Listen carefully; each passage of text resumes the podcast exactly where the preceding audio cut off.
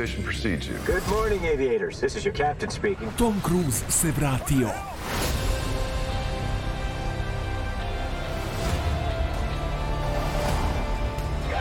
Top Gun Maverick u bioskopima od 25. maja.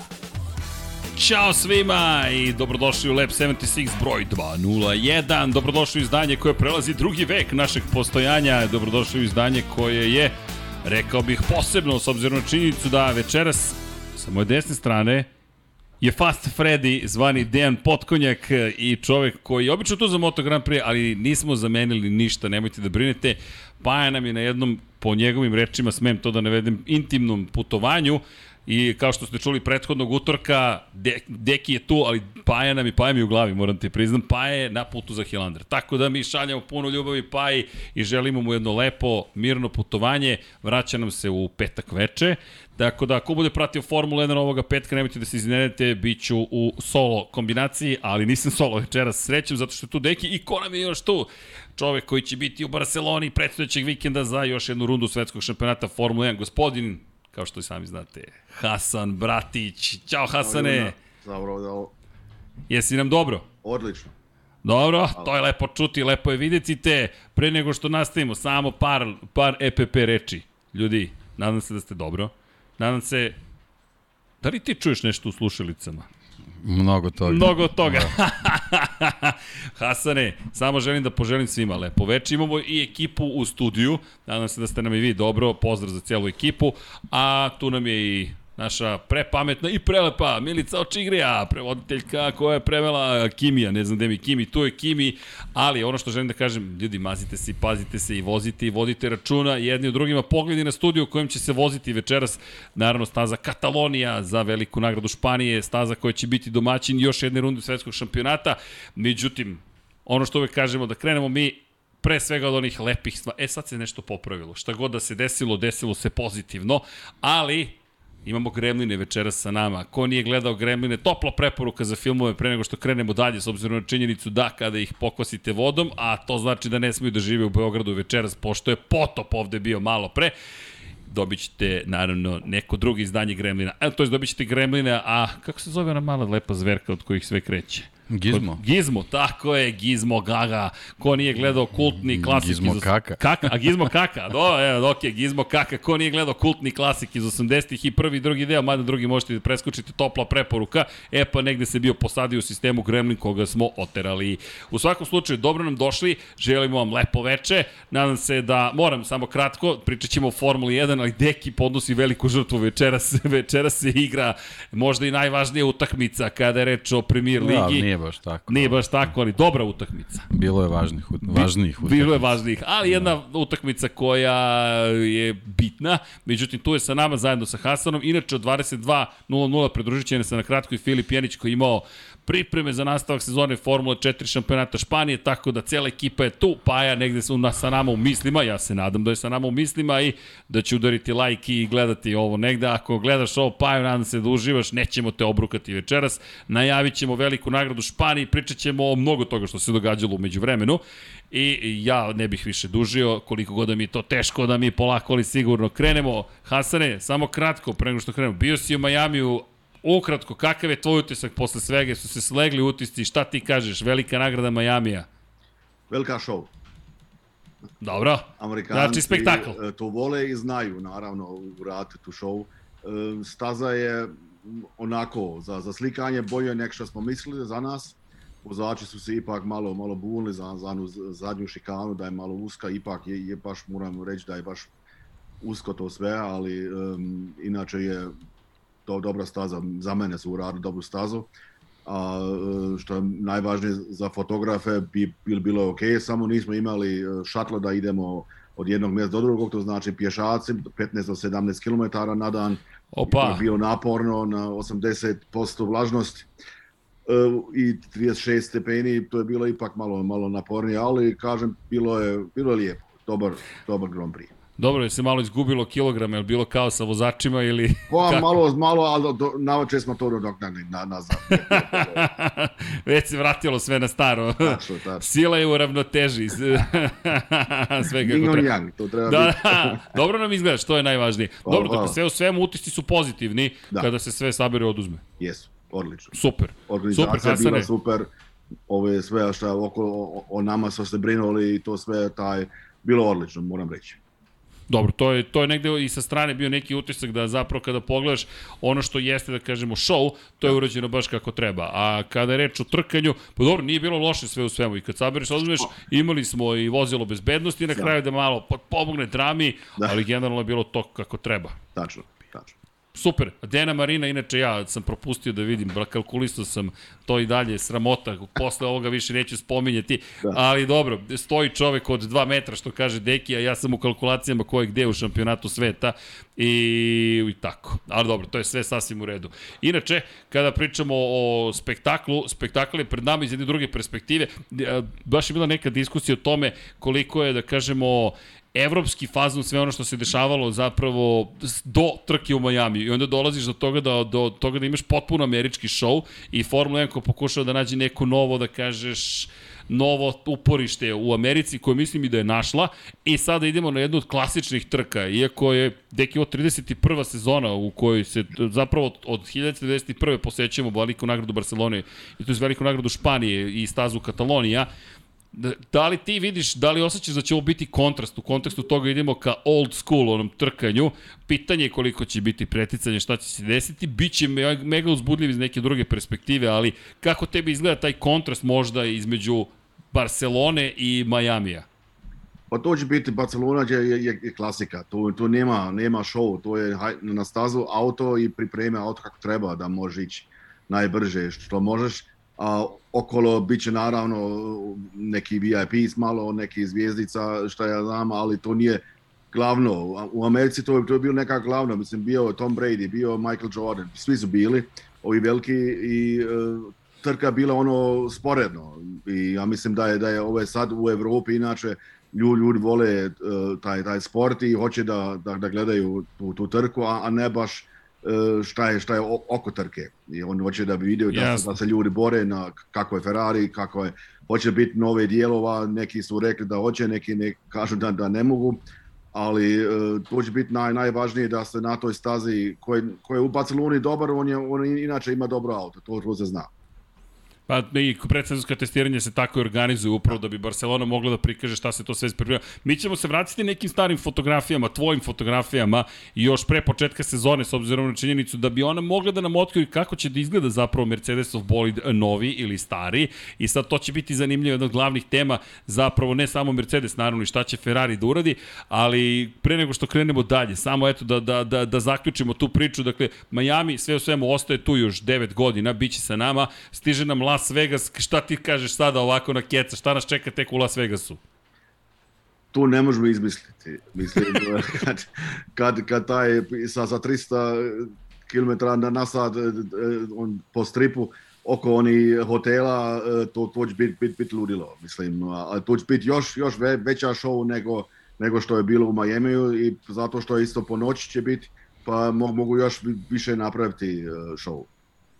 U svakom slučaju ti ćeš biti, pretpostavljam, u Las Vegasu. Pa, ako budem živ i zdrav, naravno.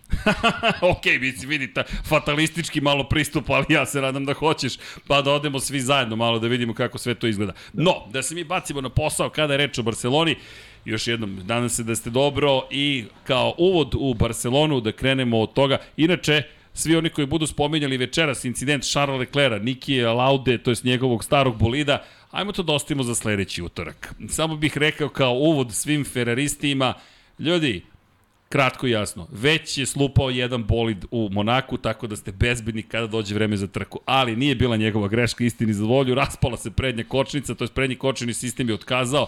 Charles završio u svakom slučaju zidu. Ko nije video te fotografije i delić istorije se svakako desio, ali eto, malo da se našalimo i zaista, čisto u odbranu Charles Leclerca, ovoga puta nema veze sa njim. Bukvalno ste mogli da vidite kako ispada kočnica ispod bolida i otpada kompletan sistem, tako da to nije njegova greška, dešava dešavaju se takve stvari, šta da radite, ali jedna od scena koju su svi podelili, ja mislim sa svakim, jesi video Charles Leclerc se već slupao u Monaku. Da, svi smo videli, svi koji imamo ikakve veze sa Formula 1 smo to videli, no, to ćemo ostaviti za sledeću nedelju. Fascinantno je da posle Španije nam vrlo brzo zapravo dolazi Monako u roku od samo 7 dana, počinju da se ubrzavaju stvari, pet trka je iza nas, pred nama je šesta, veoma značajni, ti si Hasane već se dotakao nečega što je bitno, od čega bih volio da krenemo kada je reč o Barceloni, ima puno priča o razlikama između Ferrarija i Red Bulla, o tome da Ferrari priprema taj spisak potrošenih prema njihovim procenama novca tokom ove sezoni, kako to utiče na taj ograničeni budžet koji timovi Formule 1 imaju. Proći ćemo i to ko su bili pobednici, šta karakteriš, karakteriše ovu stazu, šta mi očekujemo, malo ćemo i da je provozamo, čisto da vidimo gde smo, šta smo i ko smo. I da krenemo odatle, Hasane, kao što si ti sam rekao, Barcelona jeste šesta runda u šampionatu sveta. Mi je ističemo još od prve praktično trke. Zašto? Prva trka bila velika nagrada Bahreina, čisto podsjećanje radi. Druga je bila velika nagrada Saudijske Arabije. Treća velika nagrada Australije. Četvrta velika nagrada Emilije Romanje i peta velika nagrada Majamija.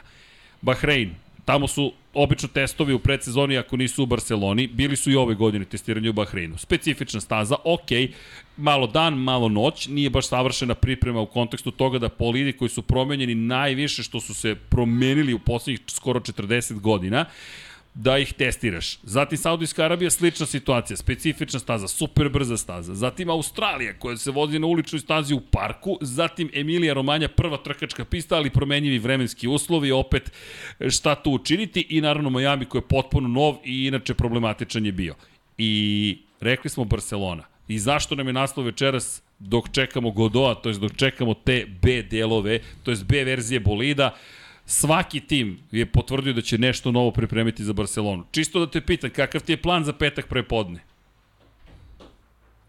Pa, plan viću, ali normalno uh, treba vidjeti već u četvrtak će se ići u pit lane, pa pa vidite kako, kako bolidi već izgledaju kad, kad ideju, idu na, kod, kod FIA na, na vagu i da, da mjere te, te nove bolide, pa onda već se može vidjeti te detalje od, od auta. Pa Dobro, dakle, u četvrtak. Dakle, već u četvrtak krećeš da, da fotografišeš da, te novitete. Da, tačno. Onda treba vidjeti ko ima šta novo, naravno će se početi od, od Ferrarija i, i Red Bulla i Mercedesa, on je prva troji, pa onda ćemo vidjeti ovaj drugi.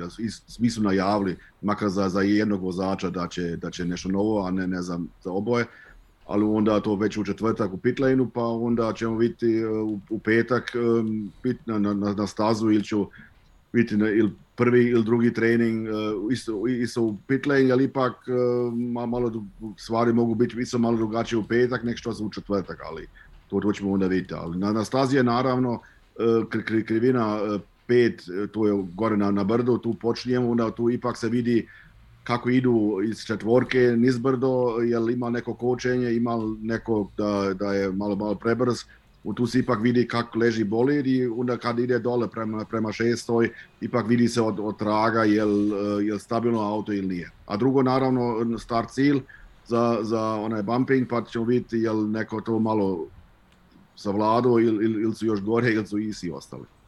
Uh, vidi, kada pričaš o krivini broj 5, to je čuveno spuštanje zapravo kao uko, nekoj vrsti ukosnice i tu se ide na dole, tu je lako napraviti grešku, tu je bolid prilično da kažemo, lagan kada je reč o skretanju i gotovo uvek blokiraju točkovi. Tu obično možemo da vidimo i baš smo pričali o tome koliko malo blokiranih točkova je bilo u krivini broj 5 u predsezonskim testiranjima u Barceloni i to nam je negde otkrivalo da zapravo nisu na granici. Sada nema više prostora pa za, za to da ne budeš. Tako je, na granici i ono što si lepo, baš mi se sviđa ovo što si rekao jer nekako pokušam da doživim to što ti doživljaš, spuštaju se i onda skretanje, pri čemu Barcelona je dobro, možeš brzo da se da napraviš tranziciju ka startno ciljnom pravcu za fotografe, pa da, ono što sam video mi smo gore na, na, na brdo i onda imaš, im, imaš prepreku, tu stojiš i imaš onda prvu i drugu krivinu od ozgo i onda samo se okreneš preko ceste i onda imaš petu i kad se spušte prema šestoj.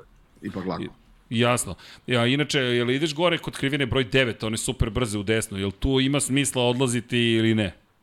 Ima na kvalifikacijama. Jasno. Jel, jel, Što... onda, jel onda, onda moraju dati sve od, od sebe, onda, onda vidiš kako kako od traga moraš i slikati kako, i, kako le, leži bolid u, u toj krvini, da, da idu pre, prema te desetoj dole, da ipak imaju najveću bržinu da odbijaju tu, pa onda se vidi kako ko ide blizo um, ove curbs ili ide malo, malo, malo dalje i, i naravno ti, čuje se glas, ako idu, idu od, od osme gore, onda se čuje jel neko pun gaz da ili, ili ipak malo pre- predaju, onda ide, ide u, u tu devetu. Dobro, očekujemo te kao špijuna da nam javiš ko nije imao pun gas, ako mi nešto propustimo iz te cele priče, da vidimo šta se tu zapravo događa. E, Da, Barcelona, inače specifična po tome što je kombinacija svega što imate u šampionatu sveta, zato se i koristi kao probna pista i vremenski uslovi su idealni gotovo kada je reč o predsezonskim testiranjima, obično, osim, mada ti si imao one fotografije, delio si sa nama snega, to je čuvena 2018, priča o, tako je, 2018. Ali generalno kada ne pada sneg, Da. govorimo o tome da mi zapravo imamo stazu koja je idealna.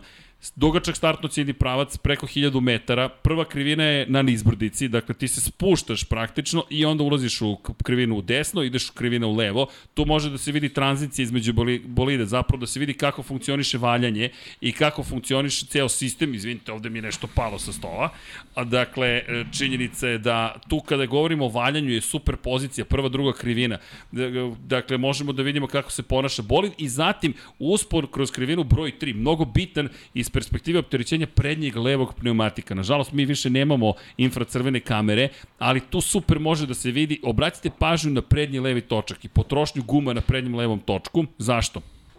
Tu se zapravo najviše opterećuju gume.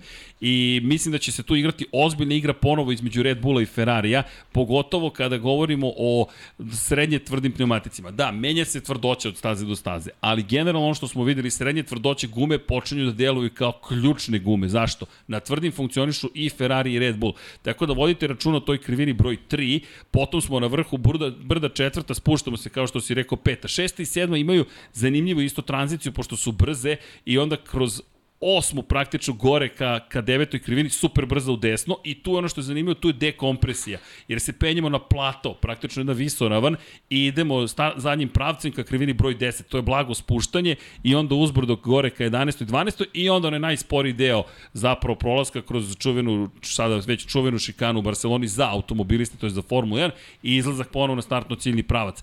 Zašto to napominjem? Šta smo videli i podsjećanje radi, Charles Leclerc, vozač Ferrarija, vodi u šampionatu sveta. 104 poena u ovom momentu ima Charles Leclerc, 85 bodova ima Max Verstappen. Dakle, mi govorimo o 19 poena razlike između vodeće dvojice. To je ništa.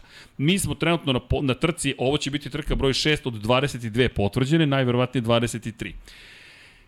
Dve pobede za redom ima Max Verstappen. Ima ta cela priča da Ferrari se pita kako je moguće da održi tempo razvoja Red Bull koji deluje da je planiran, a da opet ne potroši preko 140 miliona dolara u sezoni u kojoj imamo mnogo više troškova za logistiku. Inače ove godine smo počeli da putujemo po svetu. Amerika, Australija, ok, Bliski istok smo posećivali, ići ćemo u Kanadu, ići ćemo u Azerbejdžan, ići ćemo na kraju sezone u Singapur, u Japan, ponovo u Ameriku, Meksiko. Zašto to spominjem? Troškovi logistike upadaju upravo u taj budžet koji je ograničen. A to su neki od najvećih troškova. Bolidi su potpuno promenjeni ove sezone, potrošnja za nove delove je mnogo veća i dolazimo do tog pitanja šta će nam Ferrari to navodno prezentovati. Kak šta je Ferrari inače učinio, Matija Binotto, šef ekipe, rekao da su oni gledali sve incidente, oštećenja, promene, zapravo nisu nam rekli, ali su rekli da su oni napravili slobodnu procenu koliko je koji tim potrošio.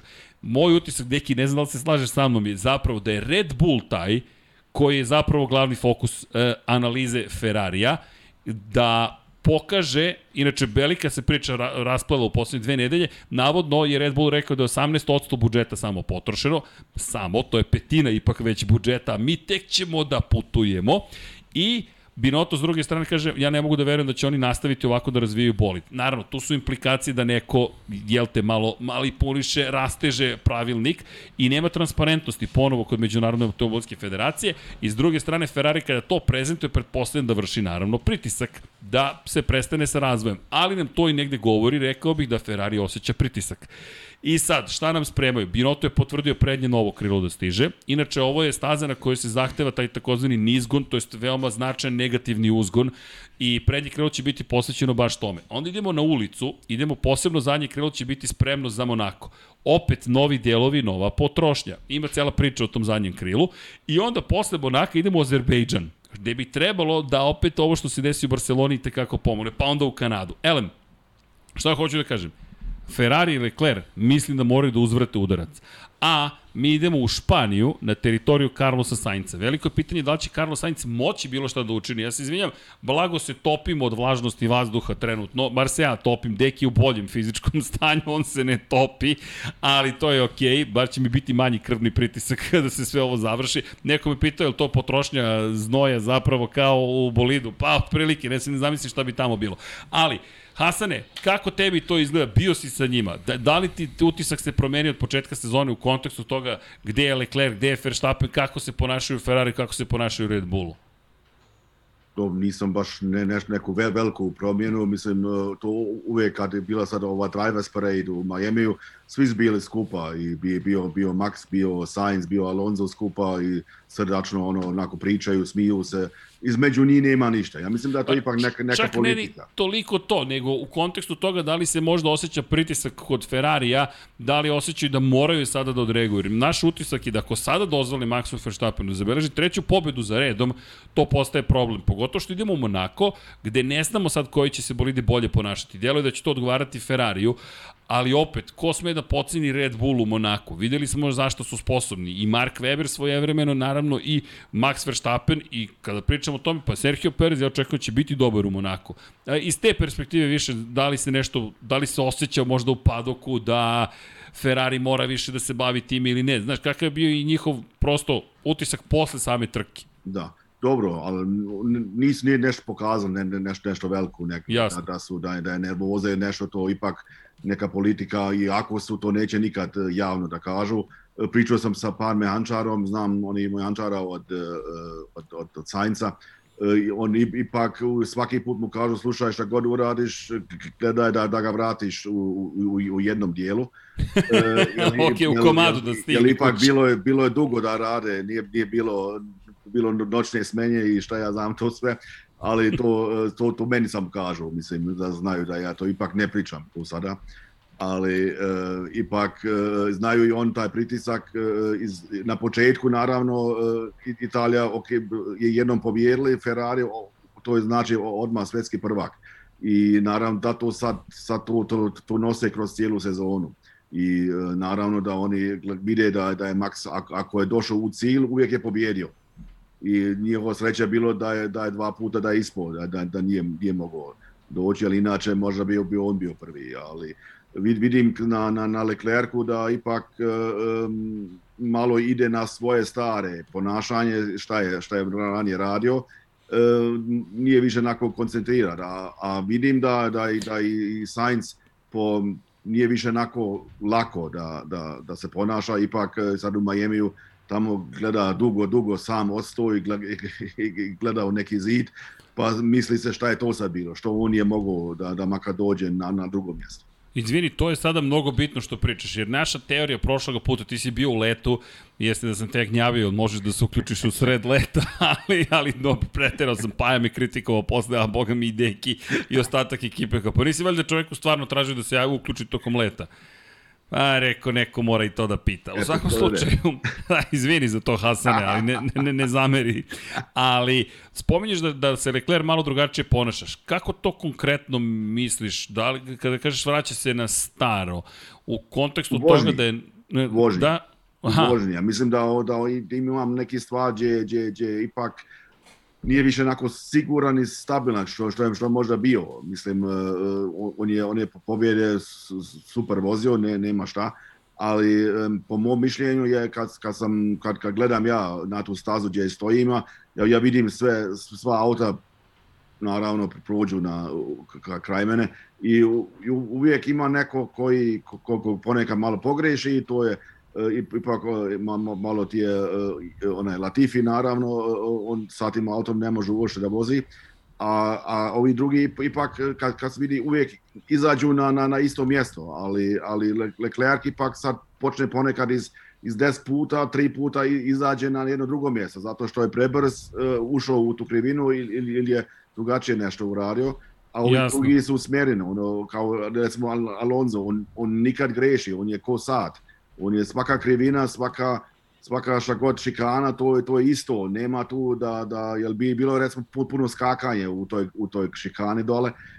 na zadnjoj šikani, ali e, Alonso nikad nije skakao. Njegovo auto je normalno prošlo bez, bez ikakvih problema. Ovi drugi su bili ponekad po pola metra u, u vazduhu i onda to, to ne može biti brz kad, kad ideš tako.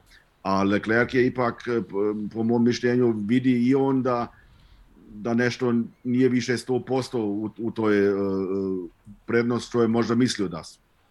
Jasno, ali ovo mi je sad mnogo zanimljivo, jer to zapravo je neka potvrda za sada naše hipoteze da se zapravo već sada tu osjeća da Leclerc blago počinje da trpi pritisak. Vidjet ćemo naravno i to smo pridiskutovali da ne ponavljamo priču od prošlog puta, ali me zanima kod Verstappena kakva je situacija kada posmatraš te prolaske kroz krivine.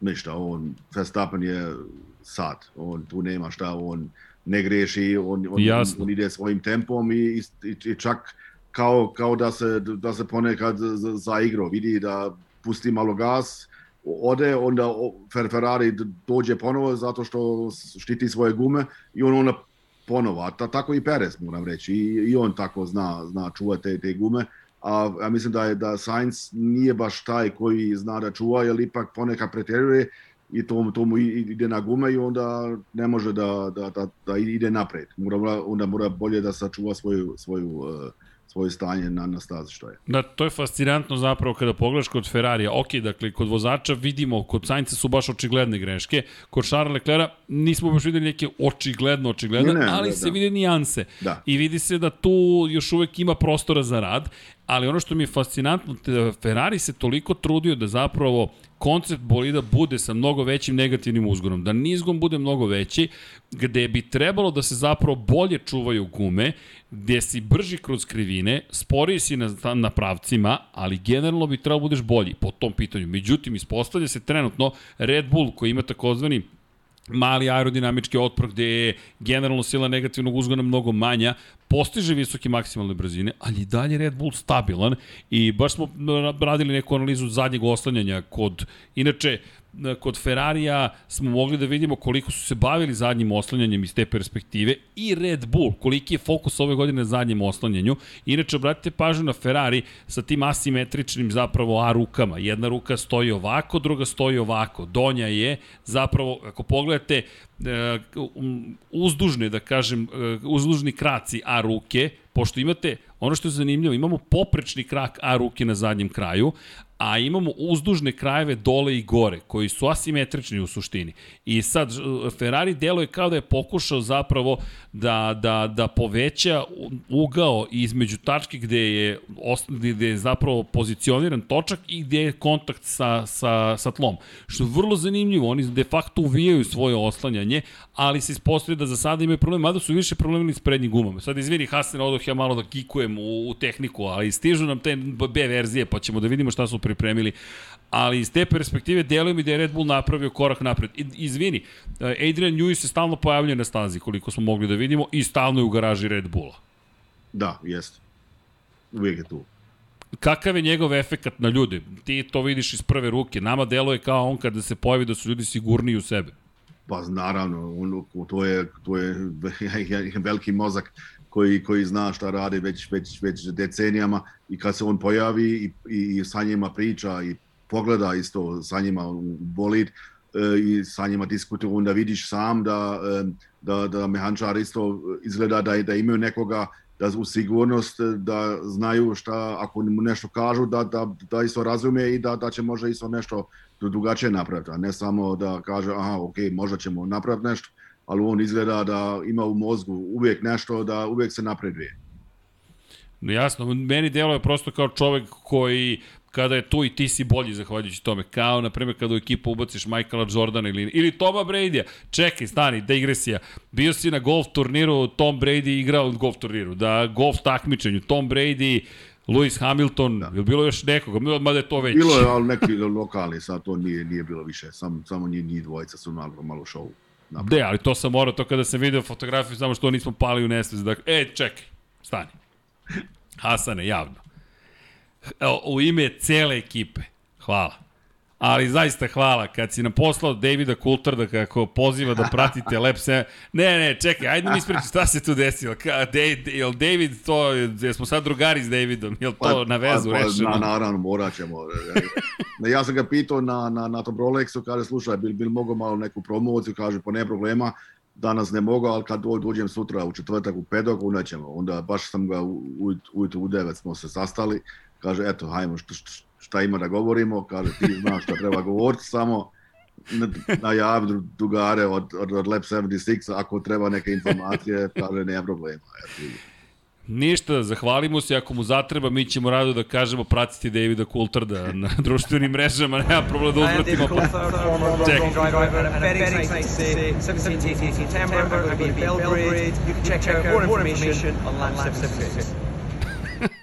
ne, Hasane, ti si potpuni kralj. Dakle, još šalje poruku, je li ovo u redu? Ma ne, nije. Ako može da ponovi, tekst nije baš najbolje naučio tekst.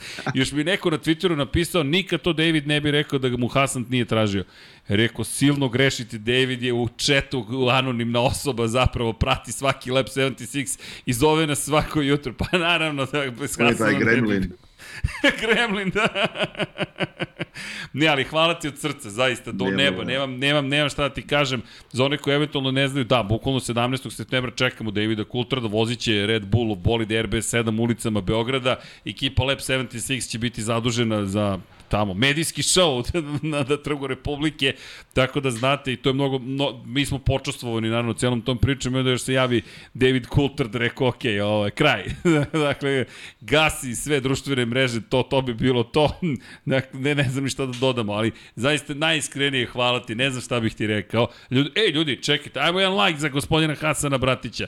Napisao sam i na Instagramu, naš brat Bratić Hasan, tako da hvala Hasane, sve što radiš za nas, zaista je predivno da se odužimo ne možemo, tako da samo možemo ti se zahvaljujemo. E, ali čekamo te, čekamo te u septembru. Rekli smo da nam dođeš u studio, da nam budeš ovde, da, da vidimo da nisi samo duh, znaš, iz Zuma, otprilike koji fotografiše po, širom, po, po celom svetu.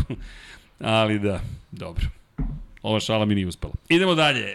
Hasane, nadam se da ćemo se dalje družiti, ali zaista časti sve što činiš za nas. Elem, Charles Leclerc, Max Verstappen, deluje kao da je to ta glavna bitka. Zašto, međutim, postoji tu sad nekih zanimljivih momenta i pričica od kojih nećemo još uvek odustati, iako ne očekujem baš da će se boriti za titulu Sergio Perez, ne bih ga isključio iz grupe vozača koji mogu svašta da urade na ovoj stazi i naravno dodaću Carlosa Sainca. I možda da krenemo od Carlosa Sainca, Formula Ole sam mislio da bi mogao da se zove večerašnja emisija, zašto? Hasane, da li ti veruješ da može ajde te pitam za Ferrari. Da li veruješ da će Ferrari da kaže vreme je da se definiše vozač broj 1, vozač broj 2 i da li misliš da je vreme? I treće pitanje, da li vidiš Sainca kako pobeđuje možda čak i u Španiji? Neće pobijeti u Španiji. Mislim Hvala, da Hasane. Da je pritisak za njega previše. Jasno. Rado bi, naravno, da, da svake hoće da u svojoj zemlji da osvoji nešto i uh, bi bilo, bilo bi sigurno i zas, zasluženo. Ali ne, nešto nije kao što je bio prošle godine za mene. Prošle godine je bio na kraju bolji i bolji je bio od Leclerca za mene, ali ove godine mu nešto ne ide. Naravno, i on je grešio, možda i auto bilo nešto nije kako treba, ali bilo mnogi njegovih greš, grešaka, zato ne mislim da će on pobijeti. Um, mislim da možda neće ni, ni da završi trku. To je moje tako preosanje. Da. Um, Ferrari, inače, mislim da će biti dobro na toj stazi, ali ako sa Red Bullom sve bude u redu, to će Max pobijeti. Za mene ne, nema drugi. Ako dakle, nema uslove, dileme ako uopšte. nema kiše, ako nema između neke uh, katastrofe, kako bi rekao, u, u trci, onda uh, nema druge ne, nego Max. On je to, to auto je tako jako stvar, a i on je mentalni i fizički tako jak um, da ne ide pre preko njega uh, ne, ne, nema, ako hoće neko pobijedi, mora njega prvo pobijeti. Kada re, govorimo o Maxu Verstappenu, on je čovjek ovde za Red Bull debitovao 2016. I pobedio. Ti si bio tamo, ali Da. tako? Da. Da, po, pokazat ćemo tvoj Instagram ako se slažeš. Može. Čisto da, da se malo vidi zapravo šta se to događalo. ali jel se ti sećaš te prve pobjede, uopšte te cele situacije, inače čuveni incident između Luisa Hamiltona i Nika Rosberga u krivini broj Četiri. 3, zapravo ulazak u Prema četvrtu četiri, krivinu. da, Tako da, je. Tačno. Tu, niko, si bio? tu nikad nije sta, stojao neko. Jel, to, jel, jel ta četvorka je, mislim, mi, mi stojimo u prvoj, drugoj i trećoj i ona gore u petoj. U četvrtoj ni, niko ne stoji zato što je prilično dosadna. Ne, ne, nemaš nek, neki background, neka pozadina za, za neku sliku, to je ipak samo jedna jedna velika krivina, e, ništa se tu ne dešava. I, ali od, od tog dana e, na svakoj trci najmanje tri fotografe stoje tu. Čekaj. dakle, čekaju A svoj tu nikad trenutak se više istorije. neće šta desiti. pa da, koje su šanse da se ponovi u četvorci? Da, to, da, to su da. zaista male, male, male, male Tačno, šanse. Tačno. Ali Ali, dobro. kažem, mi smo stojali, ja sam bio u, u, u petoj i smo, smo čekali naravno e, šta se dešava, to smo ni, nismo videli jer nije bilo ekrana e, u, u, u, blizini da možemo pratiti to, samo smo čuli da neki sudar i onda neki su onda od, od, od leti pješce tu pa su slikali kad, kad, kad se bolidi e, spašavaju i tako. Ali um, mislim to ipak bila ta normalno to bi bila ta priča te trke. Dva Mercedesa se se su sudare i, i moraju oba izaći iz trke ali na kraju onda je bilo naravno pobjeda Maxa e, koji je bio ja mislim onda naj e, Čekaj, na, najmlađi koji je pobjedio i ipak između kako se vidi dva Ferrarija i Fetala i Kimija um, to je ipak bilo onda na, naravno naj, vel, velika priča, vel, velika radost i, i, i Jos kad je došao otac slaviti u Park Feme i tako to, to se ipak bi, bi, bilo lijepo. Vidi, o, ova fotka, ovaj kadar zapravo govori milijardu reči. Dakle, ovo hiljadu puta hiljadu puta hiljadu. A, a, dakle, gornja fotografija. Kimi Raikkonen i Sebastian Vettel okružuju pobednika prvi put u karijeri u Red Bullovim bojama Maxa Verstappena. Velika nagrada Španije 2016. Dole, Fernando Nando Alonso. Jedino što nedostaje je njegova poslednja pobjeda, ali, mada, ovde je čovek pobedio na jedan veličanstven način 2013. godine. Zatim Pastor Maldonado, poslednja pobjeda u istoriji za sada ekipe Williams, nadamo se da će se to promeniti. Drže ga Kimi Raikkonen i Fernando Alonso na svojim ramenima, kakva pobjeda za Pastora Maldonada. I onda Michael Jordan. Čekaj, Hasane. Čekaj, Hasane, ovo nije u redu uopšte. Gornja fotografija, šest titula šampiona sveta, dole dve titule, mada ne znam ko je ono u pozadini, ono Schumacher u pozadini. Da, je, on je bio Da. drugi. Dobro, dakle, Schumacher u pozadini, dakle, tamo imamo devet titula u donjem uglu, zatim imamo tri titule u trećoj fotografiji i imamo šest titula NBA šampiona na četvrtoj fotografiji. I sve si ti fotografisao. Tačno. Gde si fotografisao Jordana, da pitam ili da znam već odgovor na pitanje? Je u Miami u, u, u Mercedesovoj boks. U garaži. Da, ali ne, ne, nevjerovatan kadar. Dakle, kad pogledaš to su sve tvoje fotografije, ti koju si ti sve istoriju ovekovečio, svaka čast. To je, to je najmanje što mogu da kažem, bukvalno svaka čast, ali potpuno neverovatno. Inače, ovo je pobjeda iz 2006. Renault, u Renaultu Fernanda Alonsa, ali Fernando Alonso slavio i. Ta- To, to je jedino što otprilike uslovno rečeno nedostaje 2013. godina i Fernando Alonso. Inače, Kada pričamo o Fernando Alonso, to je bukvalno njegova poslednja pobjeda u karijeri. Vidjet ćemo da li će se nešto promeniti, ali... Ne sa Alpinom. Ne, a, ok, a hoće ostati van Alpine sledeće godine? E, teško. Teško. Teško, ali... Hoće ja, uopšte ostati u Pa, Formuli 1? ja, moje mišljenje je da, da je to za zadnja godina Fetela i da će možda Aston Martin ga uzeti. Jasno. E, Dakle, da, da ode u Aston Martin, da će to biti jedine. stvar. To se dosta sve više i više priča. Inače, ekipa Aston Martina je rekla da će novi bolid u Barceloni voziti Lance Stroll. Da. što je šokantno na više nivoa. Za mene, izvini, iz Hasane, to baš šokantno. Dakle, ako pogleda, par Pa to je stvari. ponižavanje uh, Fetela, mislim, uh, svjetski šampion. Jel se slažeš? A, a, a, a, a Stroll je sin, sin, sin samo, mislim, i da sada je, mislim, Vettel uvijek, uvijek još, još bolji nek, nek Stroll, ali to je ipak taj, taj bonus što onda ima, ima, ima sin od šefa. To je to. Ajmo ovako, a da nije četvorostruki šampion sveta Sebastian Vettel, pa da kažeš, ajmo da vidimo po rasporedu u šampionatu sveta ko je bolji. Sebastian Vettel, osma pozicija, 4 poena. Lance Stroll 2 puta 10, 2 poena ukupno. Dakle, čovek je ispred Lensa Strola u šampionatu sveta.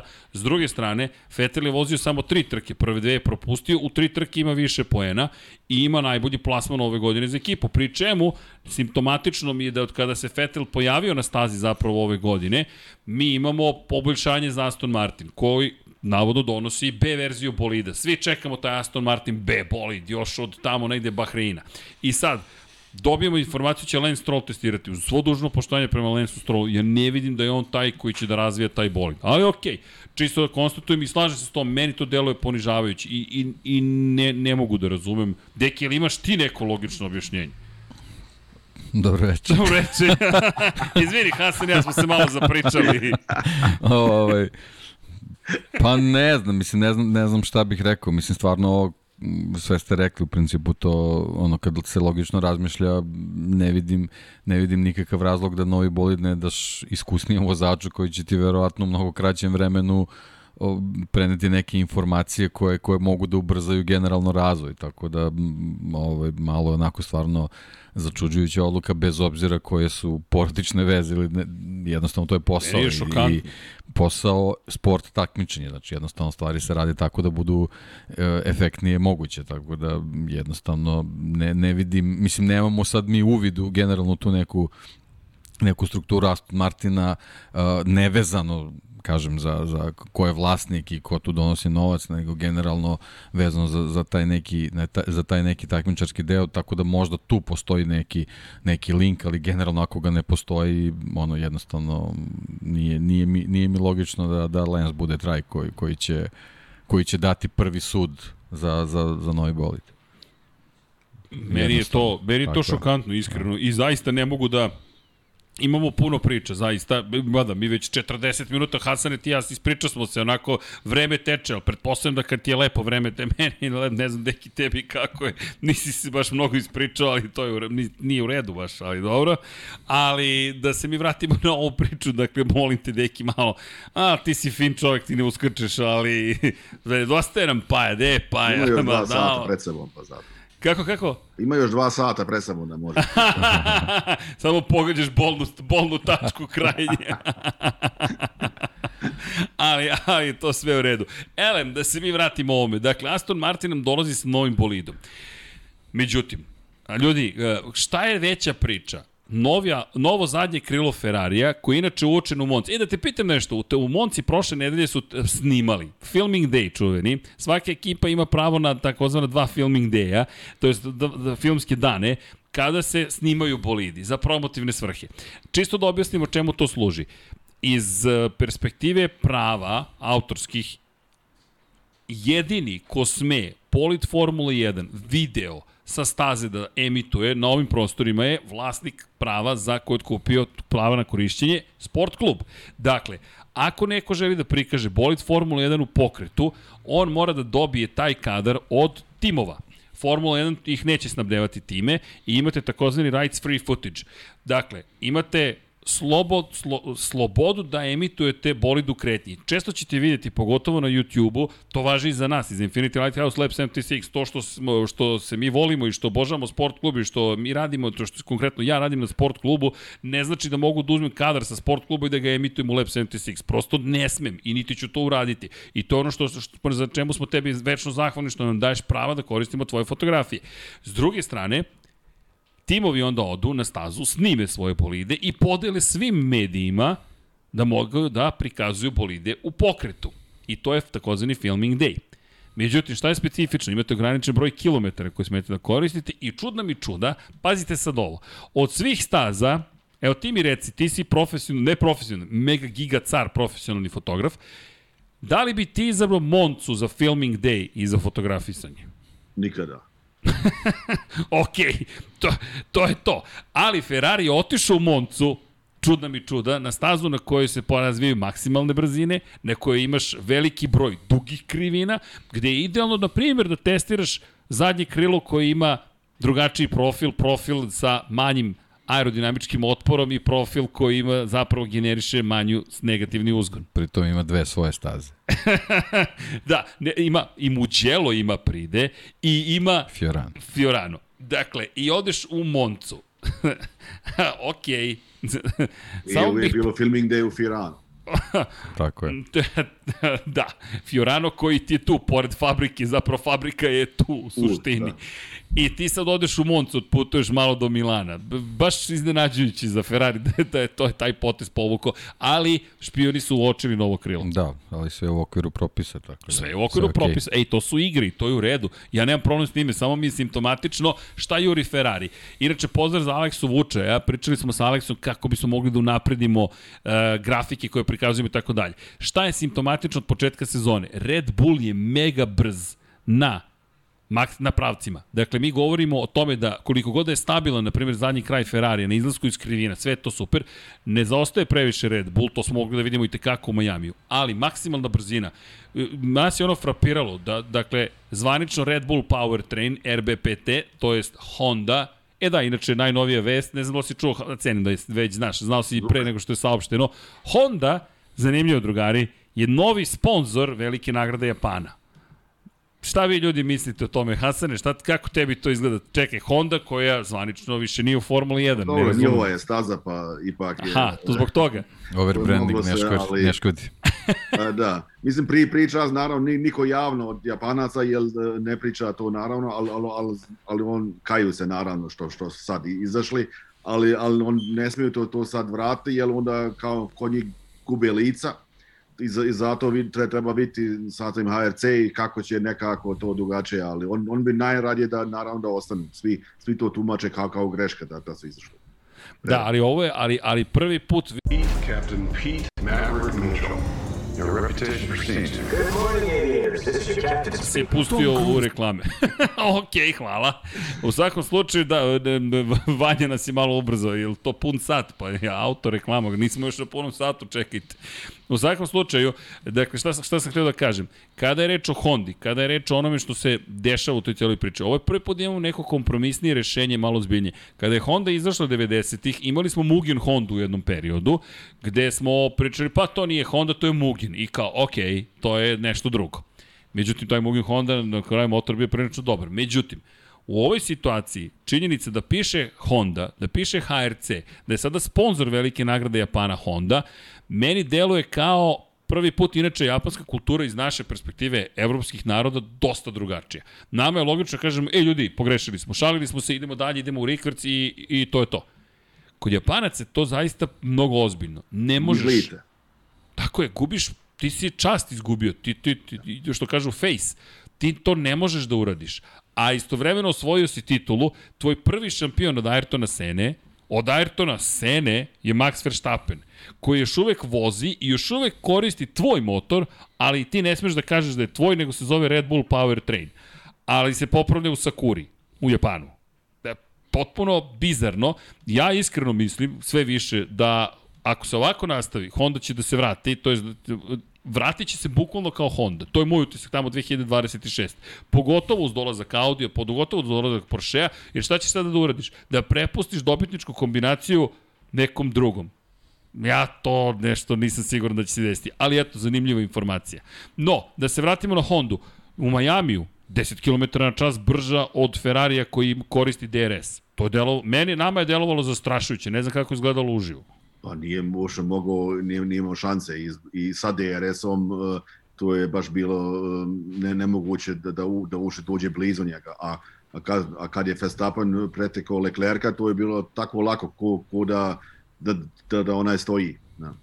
Da, ba, baš izgledalo kao da ne postoji nikakva šansa i iz te perspektive gledaš i kažeš ok, Ferrari nešto mora da uradi iz te perspektive, nešto mora da se tu promeni i to je taj test u Monci. Otud Monca, otud novo zadnje krilo u Monci, pa da vidimo gde će ići maksimalna ta brzina. Inače, još uvek ima delova motora koji mogu da se unapređuju, mogu da se razvijaju do 1. septembra, ali najveća bitka čini se da će se voditi po pitanju goriva, po pitanju elektronike i po pitanju tih interplaya, to jest uzajamne igre i odnosa između različitih elemenata pogonske jedinice. No eto, čisto zanimljivo, Ferrari deluje da je baš spreman ovde da uzvrati udarac, ili makar se ja nadam da će se tako nešto desiti, ali od pitanja dođe smo do cele teme. Šta je zanimljivije? Ferrarijevo novo zadnje krilo, Red Bull šta će da nam spremi, inače Ferrari priča se i novi pod da sprema, i novo prednje krilo, kompletan, nije baš kompletan, ali dosta no, praktično novi bolid. Da li vam je zanimljiv ili još zanimljiviji ili manje zanimljiv Mercedes? Pa Mercedes je generalno zanimljiviji kad pogledaš u toj čitavoj priči šta će se desiti, zato što napredak mora da bude mnogo značajniji, jer, generalno i kod Ferrarija i Red Bulla se već u ovoj fazi gomila stvari svodi na nijanse. Jer to je bukvalno to. Ti kada Tako je. pogledaš, ti ovako sediš i kažeš, čekaj, ovo su sada to, dueli na nivou Njihovi dueli se svode na neku desetinku, dve, a, Fer, a Mercedes je tu prilično zaostajao i ovo stvarno treba da bude ogroman, ogroman skok. ako žele da Ako uopšte žele, učestvuju u nečemu ove poenta je što sezone. pričamo o Mercedesu, ne pričamo o bilo kojoj ekipi, nego, nego tim koji stvarno ume da, da, da, da sabije redove i da kad je, kad je kritično uradi dobru stvar, sad opet naravno vraćamo priču na, na ono šta se dešavalo sredinom prošle godine, gomile tu ljudi otišli iz te ekipe, pitanje je koliki kva- kvalitet inženjerski tu postoji, ali ovaj mislim da baš ovaj početak sezone na ovaj način je učinio da oni da oni nekako brzo zaborave taj taj nokaut koji su doživjeli na kraju godine i da sad ovaj uđu neke neke nove izazove, a oni su onako prilično prilično veliki zato što stvarno treba ogroman ogroman napredak da se da se napravi da bi da bi vozači dobili konkurentni bolid. Jer generalno ova čitava priča uh, možda tek u Majamiju je dobila neku onako sliku gde, gde smo mogli da vidimo da, da mogu da budu kao neki, neki treći tim. Ovako sve, sve do, do tada je bilo ovaj, više i na neke, neka, neka dešavanja na stazi i, i, i korišćenje nekih tuđih gre- grešaka i odustajanje tako dalje tako dalje, a, a tek sad u ovom trenutku možemo da, da od njih očekujemo da i sa, sa nekim performansama se, se izdignu u odnosu na sam početak sezone. Da, kod, kod Mercedesa puno problema. Hasane, atmosfera tamo videli smo da je uzavrela. Hamilton i Toto Wolff, razmena emocija, mada je Wolff to sve rekao, ne, to je sve, imamo isti utisak, prosto smo nezadovoljni i tako dalje. Nije bilo teških reči prema bolidu kao što je bilo u, u Imoli, gde je za ceo krug zaostajao Lewis Hamilton i gde se izvinjavao Toto Wolff na kraju trke, ali u Majamiju mi smo videli najgore kvalifikacije zapravo za tu ekipu u poslednjih 10 godina. Ljudi, to su bile veoma loše kvalifikacije od tima koji u petak obećao. I kako ti izgledalo u petak? Jel ti je djelovalo kao Mercedes, ok, počinje da se vraća u igru.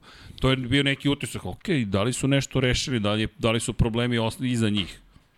on na prvo izgledalo, ali kad, kad se videlo uh, ovo, ovo vrijeme i ka, kako idu uh, u tim se sekcijama, uh, to ipak se videlo da, da, da, da nemaju šanse protiv Ferrarija i, i Red Bulla, to je ono kaže, kako se kaže, best of the rest, ali to, to naravno, to, to nije njihov uh, način da, da, da, da trkaju uh, zadnjih 10 godina.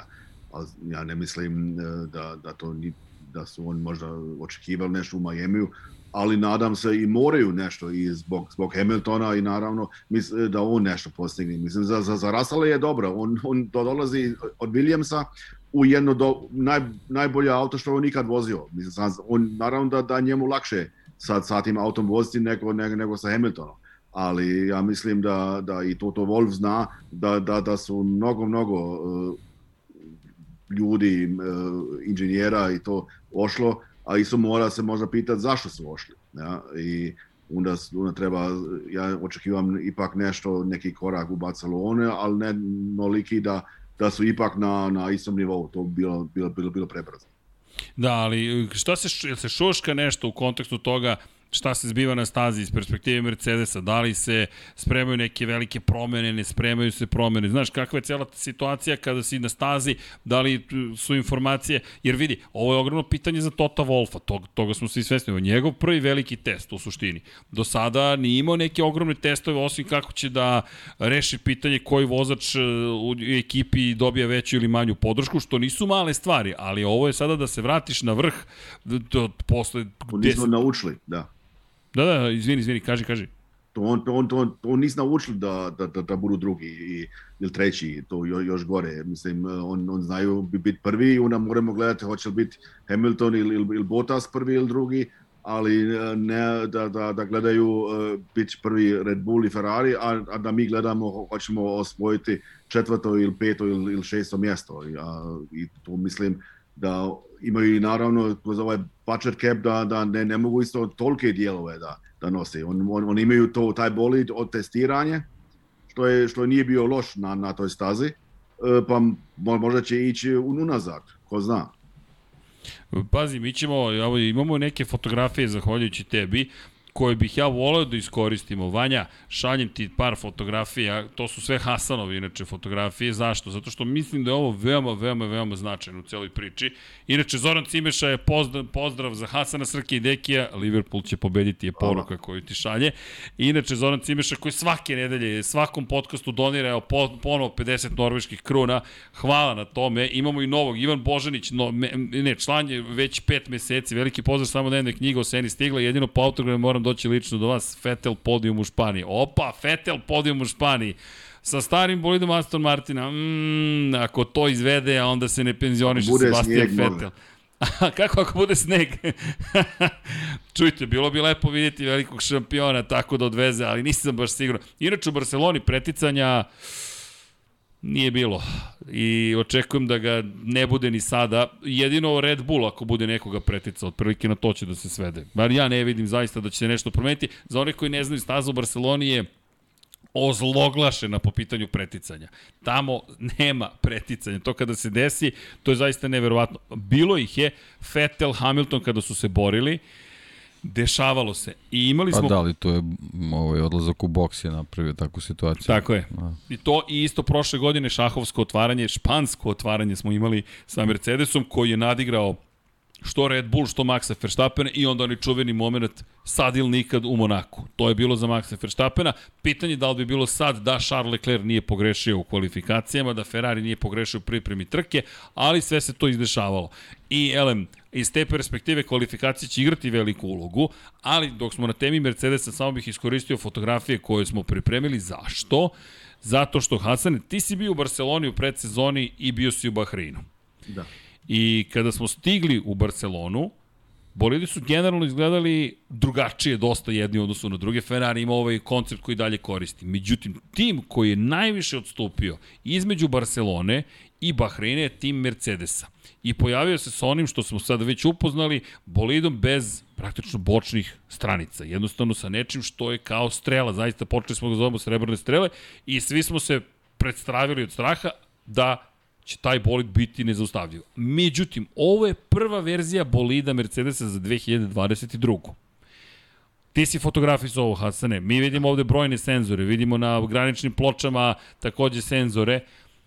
Ovaj bolid deluje dosta klasično, ako da. mogu da tako da. kažem. Hasovski. Ha, hasovski, da, hasovski. Hasanovski, skroz. Ali, da li ti misliš da bi mogli da se okrenu kao ovome? Pa kažem, zbog budget kapa ne mogu oni nešto, neku novu inovaciju da, da daju. Oni moraju sa tim starim dijeloma koji imaju da, da, da ne, nešto naprave, nek, neki, neki kompromis ili nešto. Jel? Ali pazi, ovo je proizvedeno, to je ono da, što mene je, zanima. To je postoji i, i taj, Tako i, je. taj nije bio loš bolid na, na testiranju. Ako se vratimo, taj bolid nije bio loš. E sad, Mercedes naravno ne želi, nije, nije bio loš, ali ima tu još fotografija e, iz drugih uglova gde može baš lepo da se vidi zapravo kako taj bolid izgleda dosta klasično. Niko ne bi rekao ljudi ovde nešto sad posebno inovativno. Ok, bolid kao bolid ima klasične bočne otvore, ima e, standardno zadnje krilo za novu godinu, prednje krilo, ok, to su nepoznanice u tom trenutku bile. Dosta širok pod, oni, se, oni idu na najširi moguću verziju poda, pokušaju da što više stvore, generišu zapravo negativnog uzgona. Ovo je super kadar. E, hvala Vanja. Pogledajte ovo. Imate dole gde piše performance lazanje, takozvani pod, u obliku lazanje imate klasične otvore i ovi delovi postoje. To je ono što je ključno u celoj priči. Mercedes ne troši dodatni budžet ukoliko ovo stavi. Tako da mene, da, znam da te pitam nemoguće pitanje, da li očekuješ da će desiti, ko to zna, ali ja bih volao da vidimo i ovo rešenje i ono rešenje i uporedni test. Ne znam da li to Mercedes će izvesti. Oni su inače imali situaciju gde su zapravo čak u Barceloni drugoga dana, ja mislim, možda imali rešenje bez bočnih otvora, bez zapravo bokova, ako se dobro sećam. Se sećaš možda, Hasane, da li su drugoga dana predstavili? Drugi ili treći bilo, ne znam. Da, baš, ali da. su između dva dana promenili, što mi Da. govori da oni mogu preko noći da promene bolid Da, da. i da imaju ili i ovaj, ovu drugu verziju. Da. Ok, trljamo ruke, Hasane, da vidimo šta nam to Barcelona donosi, da li će imati nekih novih stvari ili ne. Meni je Mercedes zaista fascinantan. Zašto? Pričamo o, o Španiji. Evo malo istorije Španije. Ovo su pobednici iz prethodnih sezona. Dakle, kada govorimo o velikoj nagradi Španije, od 2016. na ovamo, Lewis Hamilton, Lewis Hamilton, Lewis Hamilton, Lewis Hamilton, Lewis Hamilton. Čovek je pobedio svaki put kada smo došli u Barcelonu. I poslednji pobednik pre Luisa Hamiltona je Max Verstappen u momentu kada su Lewis Hamilton i Nico Rosberg bili pokraj staze. Iz te perspektive, ovo je i više od klasičnog testa za, zapravo za Mercedes, zato što dolaziš na mesto na kojem nije čak ni više pitanje dominacije. Ti si ovde bio nezaustavljiv, bukvalno nezaustavljiv, a sada dolaziš u situaciju da se postavlja pitanje da li uopšte može da se kvalifikuš u Q3 deo kvalifikacija. Inače, pre Maxa Verstappen i Red Bull Racinga, ovde smo imali Nika Rosberga na prvoj poziciji 2015. Luisa Hamiltona 2014. i onda tek dolazimo do poslednje pobjede Ferrarija koja je pripala Fernando Alonso. I pre toga Pastor Maldonado, koji inače imao savršenu strategiju. Tada je Ferrari uh, malo okasnio sa strategijom za Fernanda Alonso i samo je lagano u Williams Renault. Pazi, e, pa, e, to je deki meni zanimljivo. Williams Renault je poslednji pobednički bolid ekipe Williams. Čekaj, Hasane, šta ti kažeš na to? Williams Renault, pazi. To I ne to- mogu slušati. Tako je ta kombinacija. A pazi, to se desilo pre 10 godina. Williams Renault je slavio i to je bio period kada su zapravo u Williamsu pokušali da se vrate na staze stare slave i tražili saradnika. I onda su prešli tr- u, u ruke Renaulta. Renault koji je u to vreme snabdevao Red Bull. Dakle, nije to bilo možda tako neupotrebljivo, ali, ali, ali pos- postojala je velika razlika. Renault nije imao najmoćniji motor. Čisto da se podsjetimo, Red Bull je tada bio najbrži kroz krivine zapravo. Imao je aerodinamik, šta ti je Adrian Newey? On gleda šta je, u čemu je si najbolji, u čemu je tvoj motor najbolji i to koristi. Isto kao Honda sada što koristi, imaš najmoćniji motor, tako, tako pravi svoj bolid. Ok, ali otišao sam sad predaleko i u svakom slučaju pre toga dve godine u kojima su Red Bullovci pobeđivali Sebastian Vettel i Mark Webber i Braun Grand Prix, Jenson Button. Jesi bio za pobedu Braun Grand Prix 2009? Naravno, da. Naravno, zašto pitam Nemogućna ta pitanja? da. E, kakav je bio Jenson? On delo onako kao gospodin. Normalno, kao. to od, odlično. A još bolji njegov, njegov otac, pravi gentleman. Da, njegov otac, Odličan kažu da svima nedostaje, da je baš bio pravi das. Da. A i on Jensen isto normalno isto sasvim pozdravljao i pričao i tako, mislim, nije nikao neke alijere, nešto kao superstar, nego radio svoj biznis i znao šta, šta treba da se uradi i, i u pedoku i tako, pa bilo, bilo dobar dečko. Dan danas je od, od Sky u Engleskoj kao, kao komentator, pa isto bio u Miami.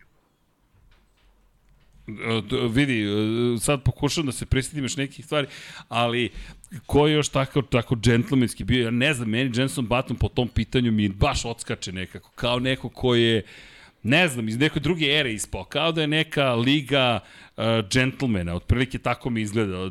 Znaš, kao iz nekog filma gde sve je skroz upeglano i onda odjednom postaje neka vrsta superheroja. Čekaj, to je kako se zove film, sad sad mi pobeže moz, mozak... Um, Jao, sad i treći deo, Kingsman, Kingsman, e, kao da će Kingsmanu da bude, ali dobro, Deki me sad gleda sa, frap, sa frap, frapiranje, ko što pričaš, ali dobro, pa to je ona, idemo ka Witching Houru. idemo ka Witching Houru. I tako, ono, da se mi vratimo u Barcelonu, ok, ima mnogo toga što nas zanima. Alpina, da ne zaboravimo, sprema novo zadnje krilo, to su negde do sada potvrdili i verujem da će svi doći sa novim, jel te, novim zadnjim krilima. Inače, Sebastian Vettel, a dobro, to će se raditi na Aston Martin, zaboravio sam nešto za Vettela da napomenem, gostovi u BBC-u u Velikoj Britaniji imaju neki super izjave Sebastian Vettel. No, dakle, Alpina, novo zadnje krilo. Kakva je situacija u Alpini, Hasane?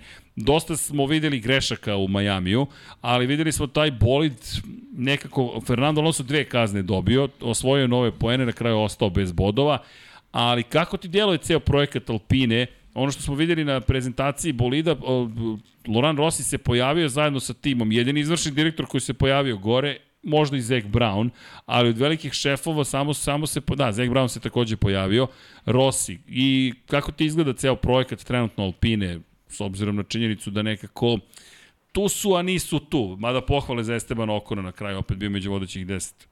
Tu da, ali ne, mislim za, za takvu ekipu koji, koji je ipak Renault, meni, meni, je to malo šta, šta rade. E, to nema neki nešto inovativno, nešto novo, što bi se reklo, e, nemaju ni oni, po mojom mišljenju, one najbolje inženjere, ali i, i Rossi za mene nije baš taj nek, nek, nek, neka vođa, ne znam, e, to isto bila neka politika što je on tu došao, ali um, Al, Alonso ima, mislim, sad, sad je zreo sa svojim 40 godina da zna ipak um, kako, kako treba šta uraditi.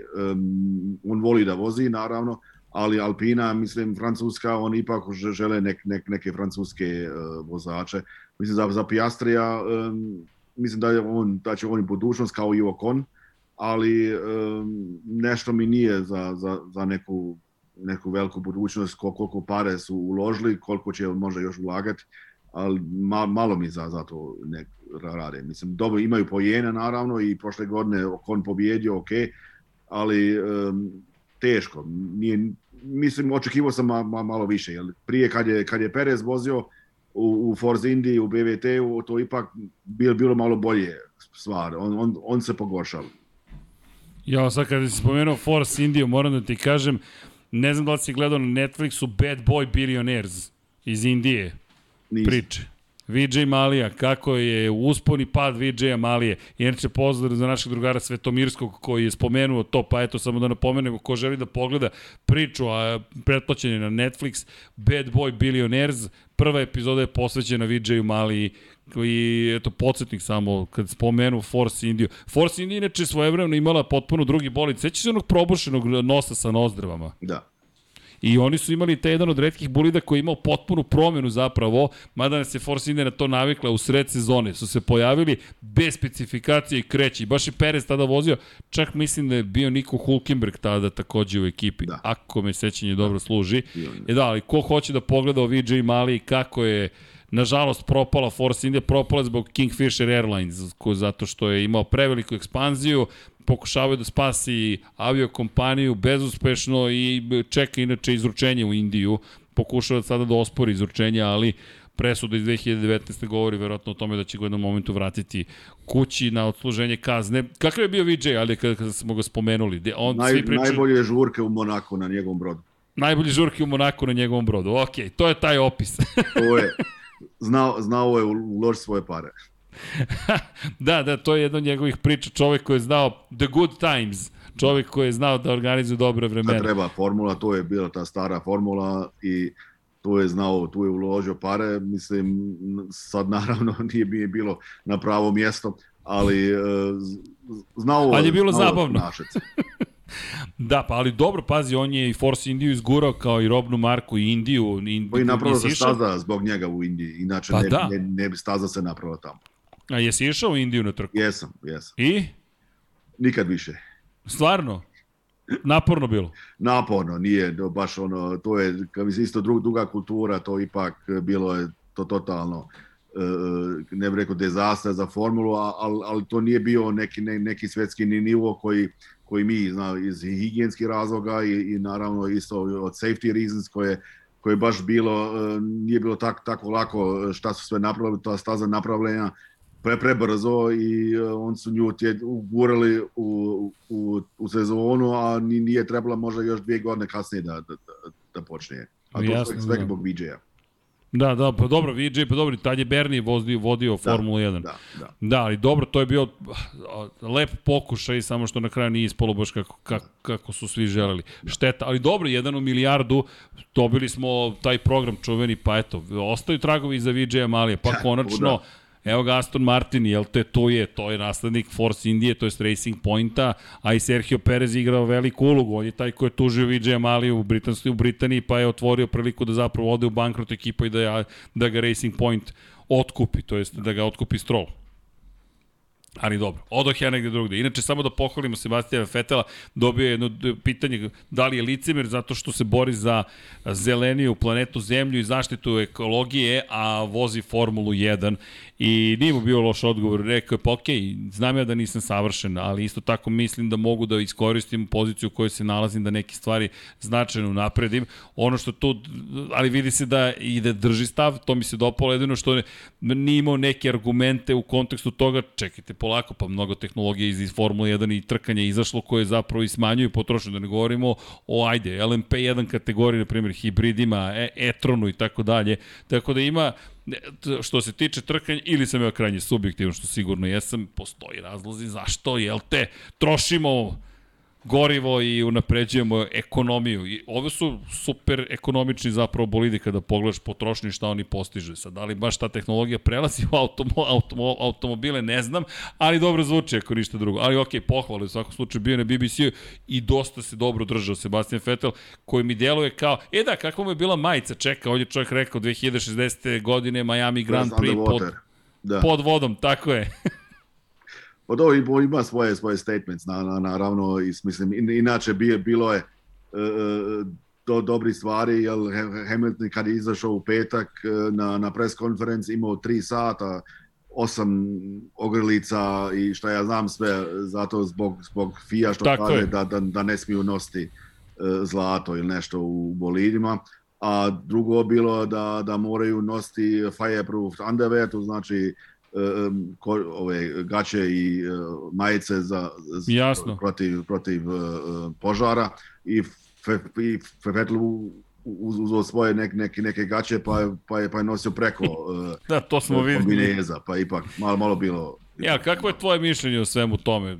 Pazi, mnogo se priča o svemu tome kao da je najvažnija tema. Razumem i bezbednost, razumem sve, ali pazi, došli smo do toga da predsednik Međunarodne automobilske federacije mora da se bavi nakitom vozača. To mi malo... Pa, mislim, ta, ta, ta pravila imaju. Mislim, ta pravila su Jasno. su, su jasno. Tu, tu normalno ne, ne, ne treba govoriti, ali, ali sad je uh, Njemac kao, kao šef i on, on, on gledaju na, na svaku sitnicu. A Misliš, zašto- čita pravilnik. Da, i mislim, on, on je ga možda, možda uzeo pr- prvi put u, u ruke od, od ovih race direktora, pa da vidimo šta, šta, šta se e, piše u tome. Ali ipak mi imamo, mi imamo druge stvari da radimo. Mislim, o, niko neće da, da gine, svak i zna za, za svoju sigurnost, ipak vozači još najbolje znaju šta, šta rade, pa onda ne bi trebalo te, te teme uopšte. Ali, ali ipak te, te teme malo, malo uopšte pomažu da, da se priča o formuli, to je jedino.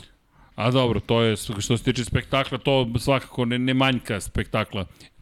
B barem posle Majamija svakako. E, ali, kako ti djeluje Formula 1 generalno sada posle pet trka u odnosu na prošlu godinu? Nekako jeste mirnije, u smislu nemamo još uvek to rivalstvo koje je bilo baš ovan Ne, na nema taj neki clash ili nešto, da, to nema, da, da, nema, nema neki sukoba ili, ili nešto, ne znam, uvijek se još, još, još živi od, od, od zadnje trke od prošle godine. Uvijek je tako. Mislim, svak priča o tome i svaka tema se na, na kraju ide, ide na, na te zadnje uh, uh, uh, ruko, ove, um, ok- ta što su imali u Abu Dhabiju, pa ali, uh, ne znam, neš, nešto mi je, da ja šta, kako bi rekao, uh, nije, nije mi nekako da, da, da ima nek, neka konkurencija velika. Svi se nekako vole, ali to tu nekako ne ide. Ja, jako sam ja ne, neki, neki friend sa, sa nekim vozačom, ali ako sam na stazi ipak moram to e, ka, kao, kao recimo kao Schumacher, moram to isključiti i, i, i, moram sve uraditi da, da ga pobjedim, a ne na kraju kao što je, što je Mick uh, ušao u Vettel, Vettel na kraju, a nešto bi bilo, morat ću vidjeti, pa ću sa njim popričati i šta ja znam, izvinjavati se, to je okej, okay, ali nešto mi malo, malo fali te, te konkurencije. Da, da, svi to primećujemo nekako, ali znaš koje je naše mišljenje? Da to je trenutno samo situacija, onoga momenta kada se zategnu stvari i kada postane, jer ako pogledaš, na, u ovom momentu Ferrari ide po nekom svom planu, to je makar naše mišljenje. Imao je prvih pet trka u kojima je iskoristio određenu prednost, određenu prednost, pouzdanost bolida pre svega, ne bih rekao brzinu, pošto Red Bull to relativno brzo rešio, i drži prvu poziciju u šampionatu sveta. Ali sada već mora da krene drugačije da se bori za svoju poziciju Ferrari. Ukoliko u tome ne uspe, da li ćemo onda doći u situaciju da sledeći put kada pokuša Max Verstappen da pretekne Charles Leclerca, jer dosta teme bilo uh, jedna od uh, odbrana Charles Leclerca, nije ba napad bio, ali gde zastupaju, pogotovo navijači Ferrarija, stav da nismo videli koliko je zapravo opasan Charles Leclerc u smislu da ima i tekako snagu da se brani protiv Maxa Verstappena. Ja ću dalje da izražavam moju skepsu. Zašto? Mnogi se pozivaju na činjenicu da je izbacio praktično Sebastiana Vettel iz ekipe. Potpuno je drugačije kada ti dođeš kao klinec, outsider uslovno rečeno, u ekipu kod formiranog šampiona i kreneš da radiš na tome da zauzmeš poziciju broj 1. U trenutku kada si ti taj koji je broj 1 de facto i vodiš u šampionatu sveta i voziš za Ferrari pride, to je puta 40 pritisak, i dolaziš u situaciju da si ti taj koji sada treba da pobedi rivala, koji, podsjećanje radi, ako se vratimo na Red Bull Ring i njihov prvi duel, to je 2020. beše, je li tako?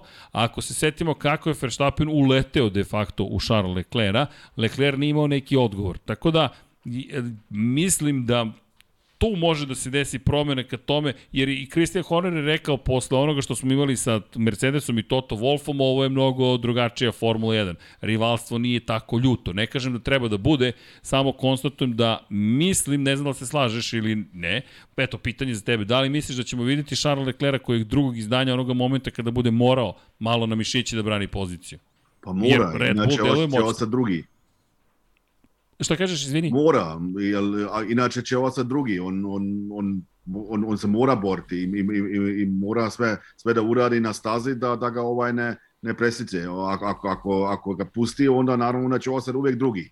I uvek će imati to, e, tu, tu mišljenje, evo vidi, e, nije on taj, taj pravi šampion. Mislim, Schumacher je sa, sa, sa lošijim autima e, uvijek, uvijek bio napred i na kraju kaže, ok, ako si brži, jesi, ali gledaj da, da, da, da me prođeš. I, i, i mnogi to, to, to nisu mogli zato što je on bio bio drugačiji vozač. I a, ova generacija Leclerca oni možda previše misle šta će biti ako se sudarimo. Mislim e, to isto nije nije jedna stvar sa sa dve pre, preko 200 da se sudariš i da, i, i da odletiš jako sta auto sigurno to to ipak boli i se možeš možeš povrijediti. Mislim to je to je drugačija za mene drugačija generacija nego što je prije bila Jasno. Dobro, dakle... To, on se mora braniti, jer inače će ostati drugi i to, to, to, to Ferrari niko ne želi. Ferrari, ako se boriš i, i nis prvi, ali ipak dao su sve od sebe, ok. Ali, ali da, da ga pustiš samo onako kao u Majemiju, mislim, to meni bilo pre, previše lako da, da, da, ga, da, da, da ga prepustio. Jako je to bio taj pravac, um, ipak si mogao malo, možda nešto drugačije uraditi na, u, u prvoj krivini. Jasno. Dobro, to je neko mišljenje koje smo i mi imali, ali eto, drago mi je da, da te čujemo, da čujemo tvoje mišljenje, bez obzira da li se razlikuju ili ne, opet lepo je čuti tvoje mišljenje. Hvala na tome. A apropo ovoga što smo, što, ajde, što si, što si spomenuo, to je ono što Deki je često potencirao kada je reč o Schumacheru. Ferrari, Ferrari, ok, ali Benetton, godine u Benettonu, i s čim je on osvajao titulu, Michael Schumacher konkretno, su u velikoj meri definisale ono što je sledilo dalje u karijeri. I to je ta priča. Loši bolid, ok, ali on je i dalje tu, nekako ti uvijek znaš da će se on pojaviti. Čuk, jednostavno ne možeš da ga zaustaviš. I to sad pa, ne zna da. Luis. On je ima sad loši bolid, ali još nije, nije na navikao sa, sa njim da, da, da, da, da radi ono, optimalno na, na stazi. Poenta je u radu tokom trke u čitom, u, u, u čitom ovaj, trajanju trke, znači bukvalno iz kruga u krug mora da se da se radi ta komunikacija i, i Schumacher je tome bio nenadmašan posebno u tome što kad, kad dođe do neke situacije kada treba da se da se ovaj promeni neka taktika kada stigne sa, sa, sa pitvola, ovaj, kad stignu informacije da u, u nekim određenim parame, parametrima koji moraju da se promene ovaj, a tiču se samog, samog vozača, on je tu bio nenadmašan i bukvalno je 100% ovaj, sve stvari menjao Ovaj, e, sa druge strane, sad kad se krenu priču o ovim aktualnim vozačima, mislim tu se, tu se onako nekako vidi ta razlika između nekog pristupa koji imaju Max i, i, i koji ima ovaj, Charles Leclerc, Uh, samo možemo da se vratimo, eto, ne, ne moramo uopšte dalje da idemo da se vratimo na, na, tu, na tu prošlu sezonu i kakva bi situacija bila da je recimo možda eventualno Charles bio u nekoj, nekoj prilici da da u nekim trenucima se bori sa Lewisom Hamiltonom i da li bi to na, na kraju ovaj, u poslednjoj trci to onako izgledalo da je, da je Leclerc možda bio u toj prilici. To je, to je nešto što možda može da, da posluži za neku analizu, samo kad, kad Leclerc prikupi još po neku trku koji će se neke situacije odlučivati pa da vidimo da li, je, da li od istog materijala sazdan kakav je Max, jer Max je to već dokazao. Da, i, i ima to jedna zanimljiva stvar. Uh, ako bacimo pogled na gume, na primjer, koje, koje, koje će koristiti, hvala Vanja, koje će koristiti zapravo u Barceloni, C1, C2, C3. Koristili smo C2, C3, C4 u Majamiju, C2, C3, C5 u Australiji. Ako pogledamo ove gume, dakle, ono što je sada meka guma za, za Barcelonu, to je guma koja je bila srednje tvrdoće za Majami. Ovo je staza koja reče ozbiljno troši pneumatike. Kao što sami možete vidjeti, mi pričamo o stazi koja zahteva C1, C2, C3, to su najtvrđe gume koje su na raspolaganju. Ona nije najduža, 4675 metara, ali gore, dole, gore, dole, levo, desno, brzo, sporo i tako dalje, uz jednu vrlo pristojnu abrazivnost asfalta. Deki ti ja smo analizirali posle onog čuvenog pada u, u Moto Grand Prix, abrazivanje asfalta. Elem, samo da se da pacimo pogled na ovo. Zašto spominjem? Šta je Leclerc rekao posle Majamija? Na srednje tvrdim gumama nisam imao tempo, ali sam bio siguran da ću preteći Maxa na tvrdim gumama. Bokolo je bio siguran da će tvrde gume da budu rešenje za, za Ferrari I to je ono što mislim da ih je veoma iznenadilo, ta brzina na pravcu koju posjeduje Honda, čak i kada koristiš DRS.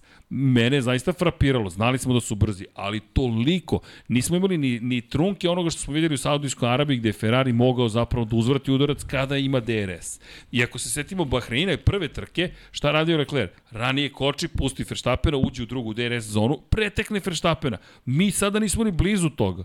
Bukvalno nismo ni blizu toga. Šta god da je rešio, inače, izgubit će još kilograma bolidi. To, to ne smemo da zaboravimo. Pa, jedan od detalja, da, da koji, je, koji, se ve, je. koji je vezan za taj napredak. Tako je, oni su da. zaista smršali kada je reč o bolidu. Izgubili su mnogo kilograma i to je ono što, što, što je za Red Bull bio jedan od najvećih napredaka i još jedna stvar, samo oslanjanje kako su uspeli da reše i kako su rešili poskakivanje. Inače, fascinantno mi je, da Njuj je baš pričao o tome da je predvideo ponašanje bolida ovako. Poskakivanje nije ništa novo u LMP1, na primjer. To se u Lemanu redovno viđa, viđalo. I ono što je fascinantno jeste da je samo nju ishvatio koliko će to biti veliki problem i bavio se zadnjim oslanjanjem kao nešto što mora da bude deo rešenja. Pa znaš kako, pogledajte, mislim da smo baš pričali o tome prošli put, ovaj, pogledajte snimke starih trka kad su bolidi imali one zavesice čuvene, da, da, kako poskakuju na pravcima pred kraj pravaca. Tako da to je nešto što se već dešavalo u Formuli 1 i ti iskutni inženjeri poput Nedrijana Njuje, verovatno su tražili tu neke, neke neka situacije rešenja. i neka rešenja, tako je. Tako je. E, kada pričamo o još nekim rešenjima, dakle mi ne znamo šta su, šta su timovi spremili. Ako Inače, se sećaš, izvini, Aha, izvini, na, na određenim trkama uh, bolidi nisu imali prednje krila u tom periodu. I to je bilo jedno od rešenja. Jeste, nisu imali, imali, tako je, tako malo su drugačije izgledali u celoj priči. Da. ne, ne, okej, okay, okej, okay. kada, sad kada me vraćaš u to vreme, zapravo prednje krilo je bio sastavni deo bolida u suštini. Ti nisi imao prednje krilo, uopšte nije igrao tako veliku ulogu. I to je zanimljivo, na ovim godišnjim bolidima veliki broj rešenja je sa ciljem da se vazduh samo preusmeri što je više moguće ka zadnjem kraju. Ali dobro, šta ti kažeš Hasano, će prestati Mercedes da poskakuje u Barceloni? Teško. Teško. Mislim, on sve probali, ona malo... Da, to je, to je baš, baš, baš velika promena. Da, da, to, to bi bilo, naravno, da. taj korak koji bi uh, bio veliki da, da, da, da, da idu napred, ali sumnjam. Da, da li iko veruje da će oni to rešiti? Sada u Barceloni. Ja ne. Ili ima iko, evo publika neka kaže, da li iko veruje da će Mercedes sada, ne, svi odmahuju, evo u četu ljudi recite, da li mislite da će Mercedes rešiti, rešiti pitanje poskakivanja? Da li će Ferrari rešiti? A, okej. Okay. E, toga. čekaj Hasane, da. Nije samo to. Inače, mi smo imali, e, da li će to da nam se prekine sastanak za desetak minuta? Tako mi piše ovde. I meni. I tebi izašlo, čekaj, da, gde mi je miš? Opa, nemam pojma gde je miš.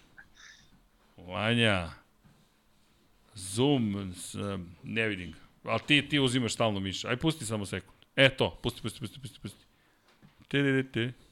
Izvinite, dame i gospodo, ali pokušavamo da upravljamo i mišem a, X, čing, to je to.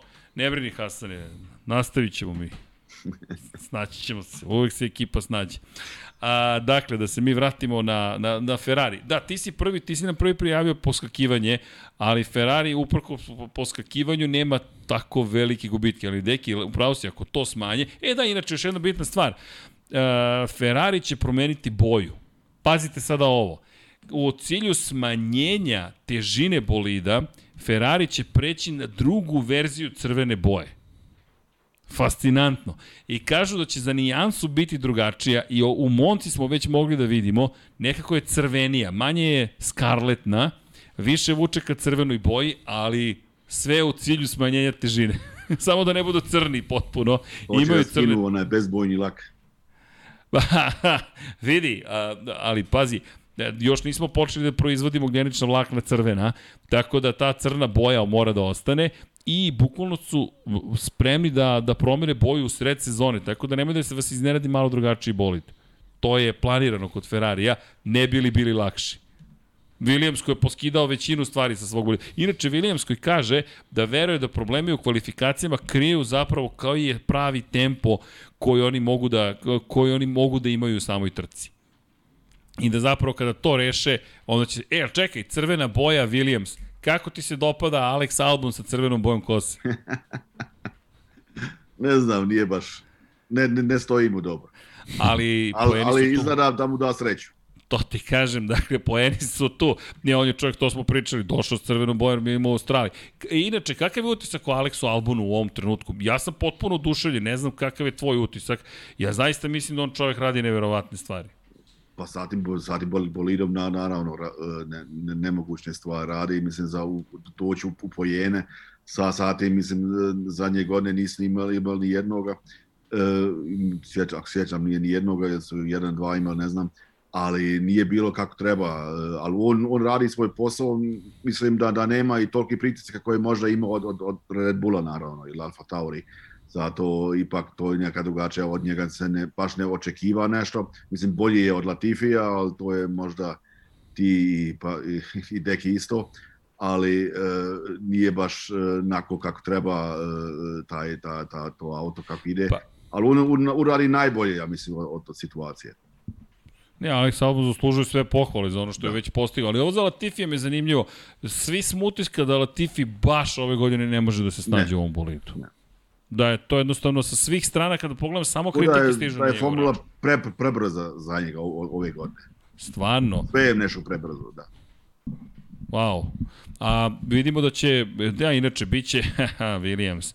Inače, e, kada spominjemo ko će biti, Nick De Vries nam stiže za trening broj 1 u Williams, da to ne zaboravimo. Dakle, otvorit će, za Williams će učestvovati u treningu broj 1. I s I druge dodatni pritisak na Latifije. dodatni pritisak na Latifije, tako je.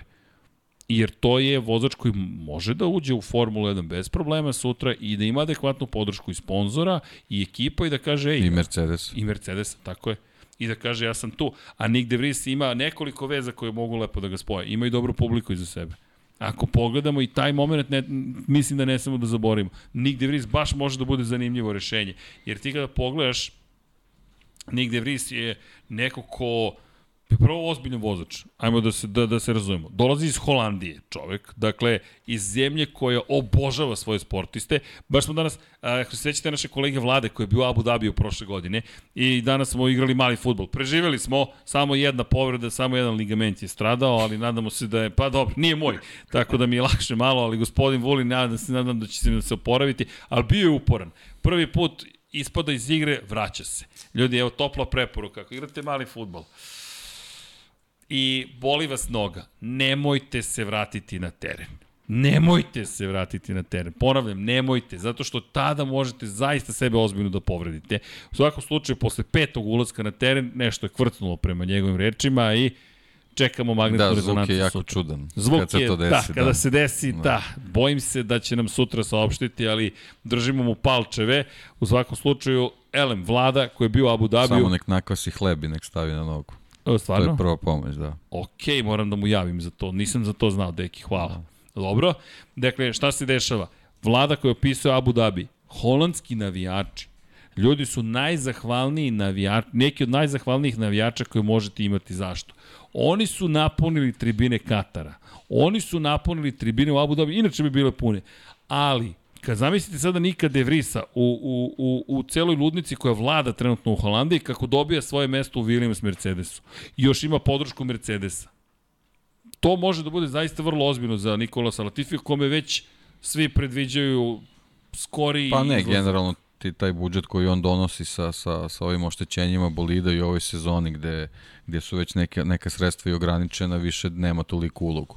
A u principu svoj budžet troši na popravke bolide, tako da ovaj, situacija je nezgodna, a opet sa druge strane ovaj, stalno, stalno spominjam naravno i Osta Kapita čoveka koji zaista ume da, da, da oformi budžet oko, oko tima kojeg vodi, tako da po tom pitanju, mislim, meni je žao, Nikola Latifi je zaista jedan onako od, od, od dobrih momaka tamo, ali generalno, eto, te, ta njegova izdanja mu apsolutno ne daju više nikako pravo da, da, da bude tu. On se generalno ranije dobro snalazio ulogama test vozača, pre svega u Renaultu, tako da ako želi na neki način da bude u kokpitu Formula 1, to je možda eto, njegova budućnost, ali što se tiče samih trka, imao je suviše prilike ovaj, koje jednostavno nije iskoristio i nije ništa posebno pokazao.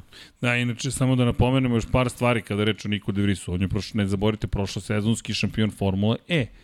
Inače, pobednik najnovije E-prija berlinskog, u drugoj trci bio na, na prvoj poziciji ima ozbiljne renome, osvojio je titulu u Formuli 2, to je sada već zaboravljeno, zaboravljeno se da čovjek bio šampion Formule 2 i da je zapravo neko od koga smo očekivali da će br prosto vrlo brzo stići u Formulu 1 nekako, upravo ta holandska veza Art Grand Prix, sve se nekako lepo slagalo, međutim otišao je neku drugu stranu i vidjet ćemo sad naravno šta će biti. Inače čovek koji i na 24 časa Le Mans je vozio. Tako da eto, Nick De Vries, obratite pažnju na njega u tom treningu broj 1.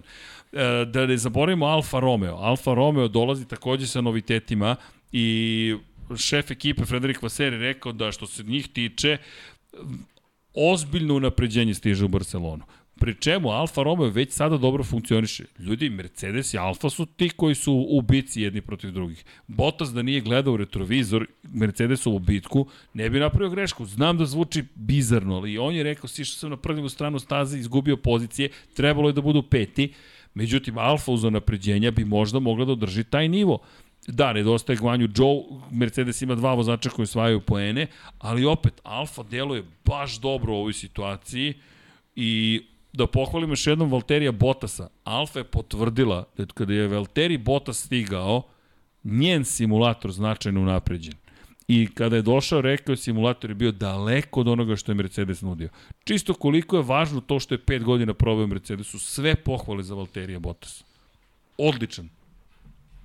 Kakav je tvoj utisak? Jeste da imao ponovo mali incident, pitali smo se gde si, da li ćeš mu pomoći ponovo? Nisam bio u blizini. da, to je, to je neminovno sada, pazi, u krivini to i sedam, I, i, I on isto propustio trening broj 2, isto kao Max Verstappen. Da. Ali u svakom slučaju čekamo da vidimo šta će sve to Alfa Romeo da pripremi. Ja mislim da će oni baš ozbiljno nastaviti da napreduju tokom ove sezone i da oni, to Nova Ser što je rekao, ja mislim da oni mudro troše pare. Napravili su bolid, nema potrošnje ozbiljnije do ove trke, sada ozbiljnija potrošnja, pa Silverstone, to je nešto što predviđaju svi da će sledeća biti stanica na kojoj će se unapređivati. Pa dobro, bolid. da, ali generalno ta, ta potrošnja budžeta zavisi i od, i od ambicije ekipe. Tako da to nije, nije baš Svakako. relevantno, ipak je suviše duga sezona i oni koji zaista žele puno od, od, od, od ovog šampionata, nisam siguran da će moći baš do kraja da, da izdrže sa, sa tako ovaj, radikalnim promenama i tim, tim čestim unapređenjima. Mislim, to, kad se kaže unapređenje, to bi stvarno trebalo, to, to je kao kad u futbolu, kako koji futbaler dođe u neki tim i kažu pojačanje. Pa ne mora da znači baš da je Da, da, pojačanje. da, nije pojačanje. Tako da, tako ta un, unapređenja, to je već onako prilično optimističan izraz, ovaj, možemo da kažemo dolazi sa, sa silnim promenama, pa ćemo videti da li će to da urodi, urodi plo- plodom, ali generalno za sve njih zavisi, mislim, o, za, za sve njih važi i dolaze na, na stazu koja im je domaća, bukvalno, svi, svi poznaju bukvalno svaki pedalj ovaj, Katalunije, tako da ovaj, verovatno im je jako značajno da tu sve, sve inovacije koje su uradili u prethodnim, prethodnom periodu tu mogu da isprobaju i da bukvalno uporede ovaj, o čemu se radi. Sad možda, možda tu dolazi ta ovaj, ta razlika u, u ta dva bolida u Aston Martinu ne mora da znači da će specifikacija koju vozi ovaj, uh, Lance, Lance Stroll da, da nužno bude bolja od one koju ima Sebastian Vettel, nego možda samo ta bez, bez, bez specifikacija će poslužiti da su uporede određeni elementi na tva, ta dva bolida. Tako da vidjet ćemo. Ovaj, Barcelona je nešto gde jednostavno nema mnogo sakrivenih karata za bilo koga. Da, apropo Barcelone, dok evo čekamo Hasan da nam se vrati, Barcelona zašto spominjemo da je toliko važna? Možda to trebalo da kažem pre sat i po na samom početku, ali rekao sam, pravci, duge krivine, opisali smo negde stazu, poenta jeste da mi na, u Barceloni, ono što je Hasan rekao, ko ima brz bolid u Barceloni? Na većini staza imaće brz bolid. Prosto to je savršena probna pista Tako je. i ono što je takođe bitno uz temperature koje nas čekaju u Barceloni, ovo je dobar se, u sred sezone test, sred sezonski test. Zašto? Zato što temperature će verovatno odgovarati temperaturama koje nas čekaju i na drugim stazama. Mi dolazimo u leto u Evropi, pri čemu prilično toplo leto, kao što možete da procenite i po nama. Dakle, A nije leto. A nije leto, da, da, nema proleća, nema, op, odmah skok. Neverovatno. Instant, da, o, opet imamo instant skok sa, sa zime na, na, na leto. U svakom slučaju, ovo će biti sjajan test za sve. I zato ćemo da pratimo po svakom sektoru, po svakoj krivini, svaki trening, kvalifikacije, meke gume, srednje tvrde gume, tvrde gume. Ovo je čista zabava. Za one koji voli da gikuju kada je reč o delovima i elementima Formula 1, verujte, ovo će biti spektakl. Dakle, ja jedva čekam Barcelonu, plašim se malo u tih 66 krugova, hm, da li će baš biti preticanje ili ne, ali nije svaka trka trka preticanja. Strategija, korišćenje guma, reakcija na ono što se dešava na stazi. Konačno, pogledajte Albona u Australiji. Williams je morao da bude inovativan, maštovit da bi nešto učinio. To mislim da je ono što je lepo Hasan rekao što si ti pričao iza Šumahira. Ej, neki način negde nekako postoji. Jeste, ali mislim da Barcelona nije, nije mesto, Nije mesto za za to. to, Nije. Jednostavno ti ne možeš da doneseš ništa, ništa drugačije od onoga što, što svi tu očekuju. Znači, eventualno neka, neki undercut, overcut, ne, ne znam, mislim, undercut možda, tako da eto, to je nešto što, što eventualno možda se uradi u Barceloni. E, Barcelona, pa to nam je pokazala. Dakle, i to nam je pokazala prošle godine. Mi, mi, mi, pazi, kada je to bilo, deki, kada ti pogledaš špansko otvaranje, mi smo to opisali, tu, tu, tu trku smo opisivali u momentu kada je delovalo da Mercedes potpuno dominira, da se, da se uopšte ne postavlja pitanje ko će da bude šampion sveta.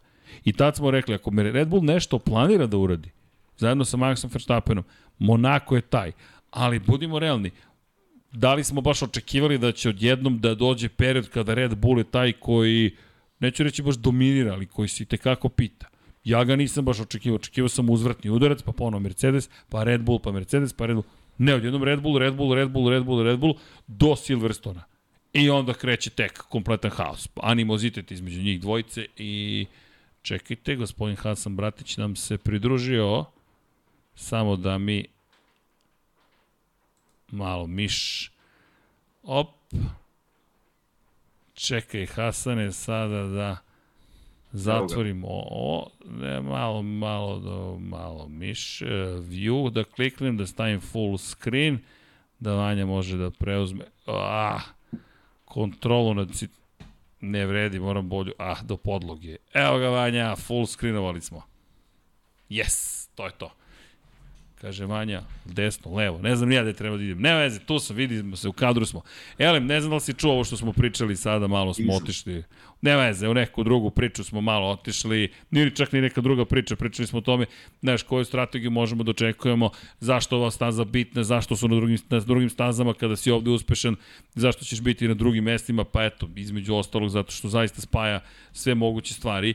E, jednu stvar bih spomenuo takođe, e, pošto po, ajde, prolazimo uvek nekako kroz ekipe, kroz vozače. Ko, nismo spomenuli, pazi, trajemo već, ali nismo spomenuli, McLaren nismo spomenuli ljudi i nismo spomenuli Alfa Tauro i nismo, Alfa Tauri i nismo spomenuli Haas ekipu. Odakle ćemo? Hoćemo od Hasa. Zašto od Hasa? Bili smo u Americi. Kako je to izgledalo iz perspektive Hasa tamo?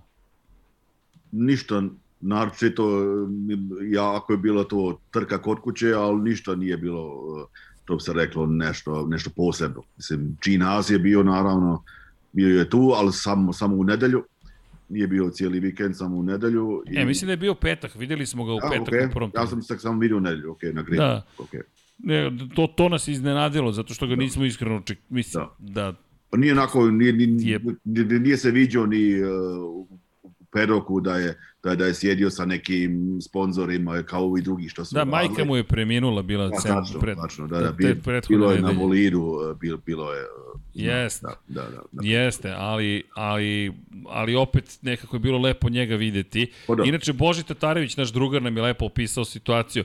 Rekao je što se tiče Hasa, u Sjedinim američkim državama Has ne doživljavaju toliko kao domaći tim, više ga gledaju gotovo kao ruski tim, ali ono što je poziv, što priliči pažnju jeste činjenica da vozi Kevin Magnussen, koji je poznat američkoj publici kroz takmičenje u IMZI i kroz generalno i oca Jana Magnusena koji je dugo već u korveti. Tako da je to neka veza koja se stvorila. Ali dobro, Haas, dakle, nema ničeg da kažeš novog. Mada, ne Haas, ajmo da vidimo ljudi, ovo će biti mnogo bitna trka za Haas. Haas sada, ukoliko ne napravi iskorak koji je već napravio, ali Haas ima prednost odnosno na ostale timove prošle godine, Haas je bio taj koji je iskoristio praktično celu godinu da se pripremi za novu sezonu. Ovo je sada u sred sezone, mislim da je ovo ključan te, ključni test za ekipu Haasa.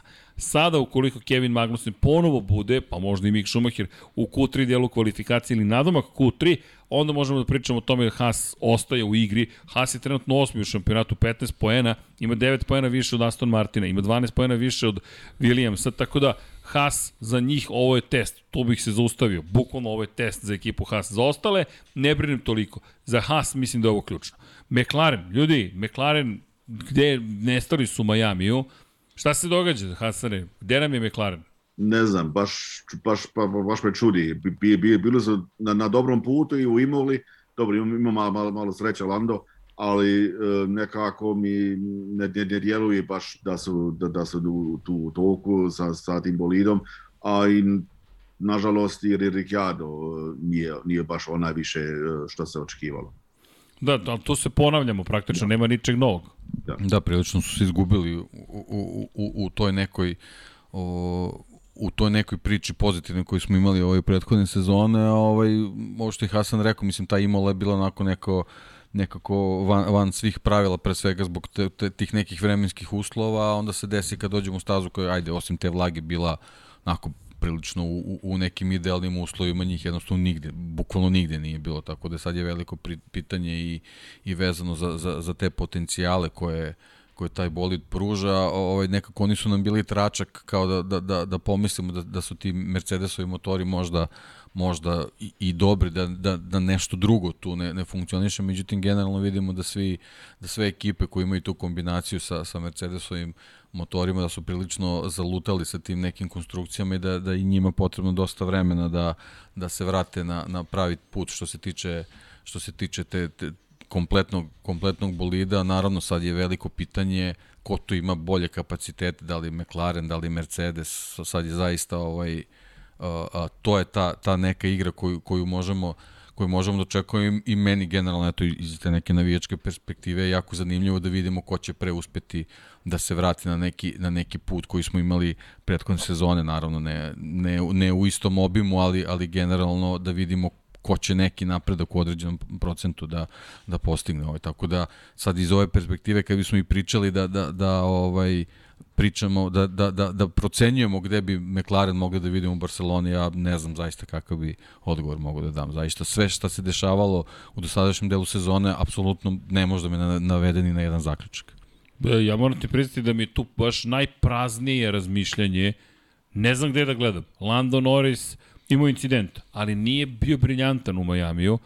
Od Ricardu mislim da je Ne, neka slična priča kao. KTM u, Moto Grand Prix. Znači imali smo neki Lepo uzlet poređenje. koji je došao i završio se s nekom pobedom gde smo čak očekivali da će toga biti još, da, da je pitanje trenutka kad će i drugi vozač da, ovaj, zabeleži pobedu, onda dođe nova sezona, neka promena pravila i, i jednostavno neko lutanje koje onako apsolutno nas nigde ne vodi. Ne znamo ni, ni koliko daleko su zalutali, ni da li su blizu nekog pravog puta. Znači bukvalno, bukvalno neka, neka onako neka široka poljana koja onako ne, ne vodi ničemu.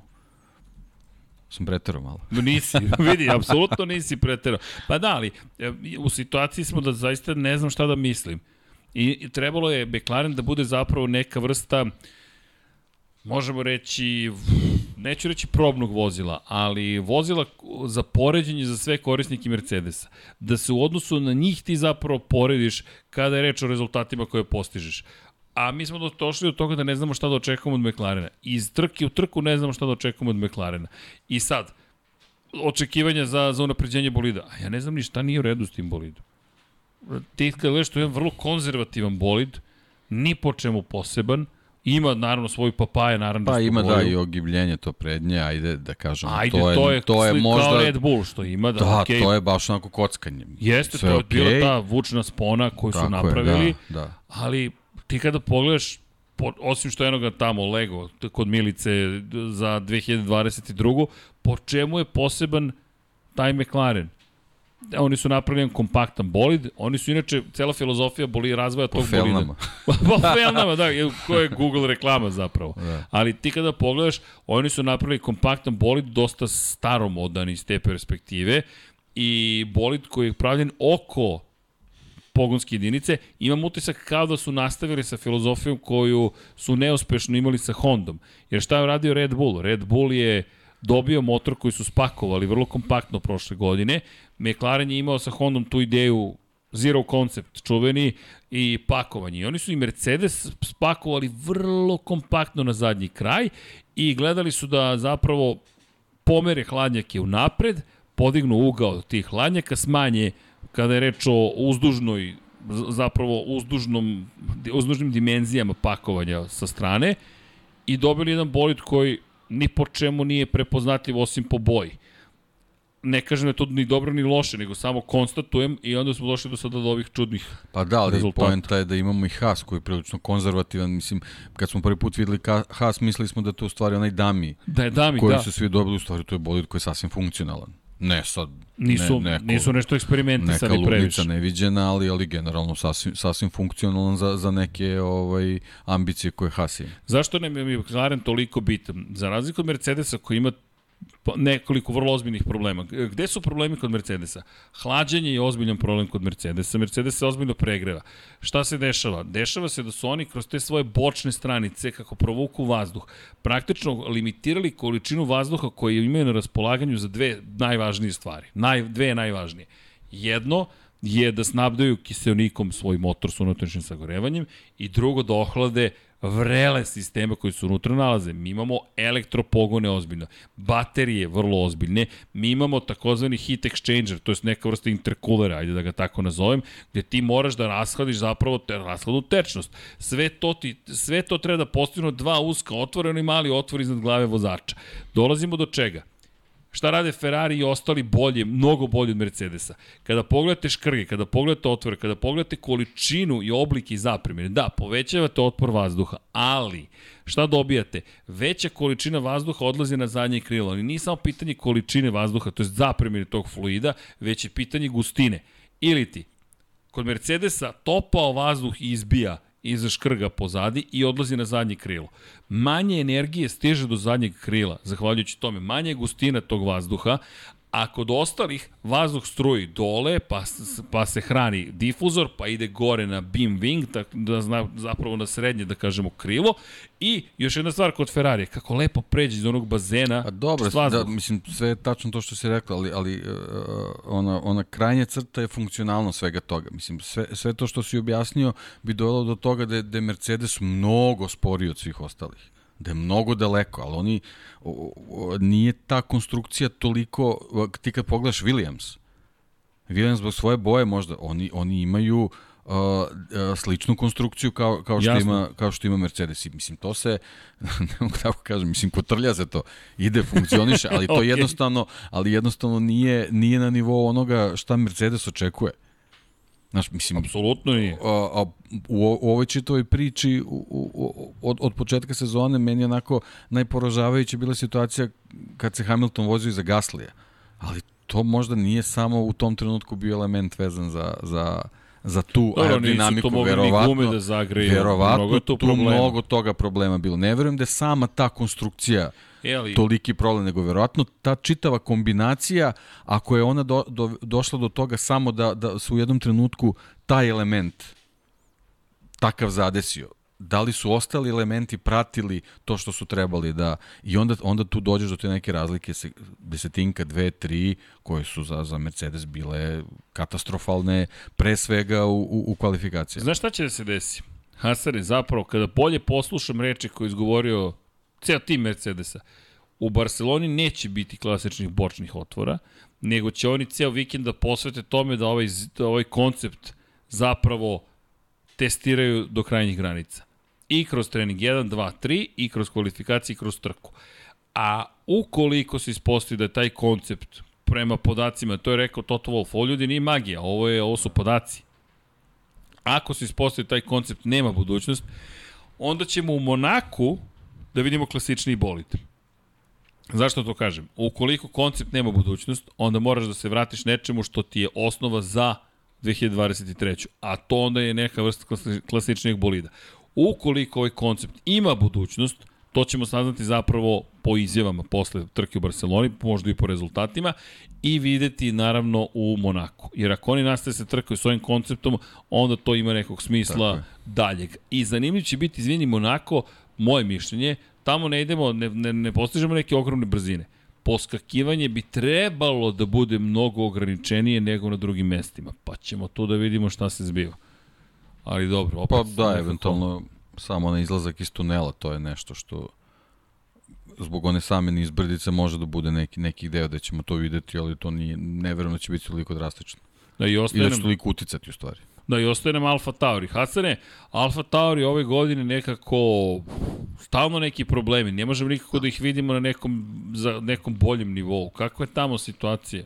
Mm, Isto, ne, ne znam, baš uh, vid- vidim uh, Gazli i onaj Cunoda su ipak uh, tu malo druže se, ipak se izgleda da se razumiju kako kak treba, al- ali nekako uh, ni jedan ni, ni drugi uh, nije tako. Prošle godine Cunoda ipak bi bio ruki, ipak je stigao, nek, postigao neke dobre rezultate, po mom mišljenju.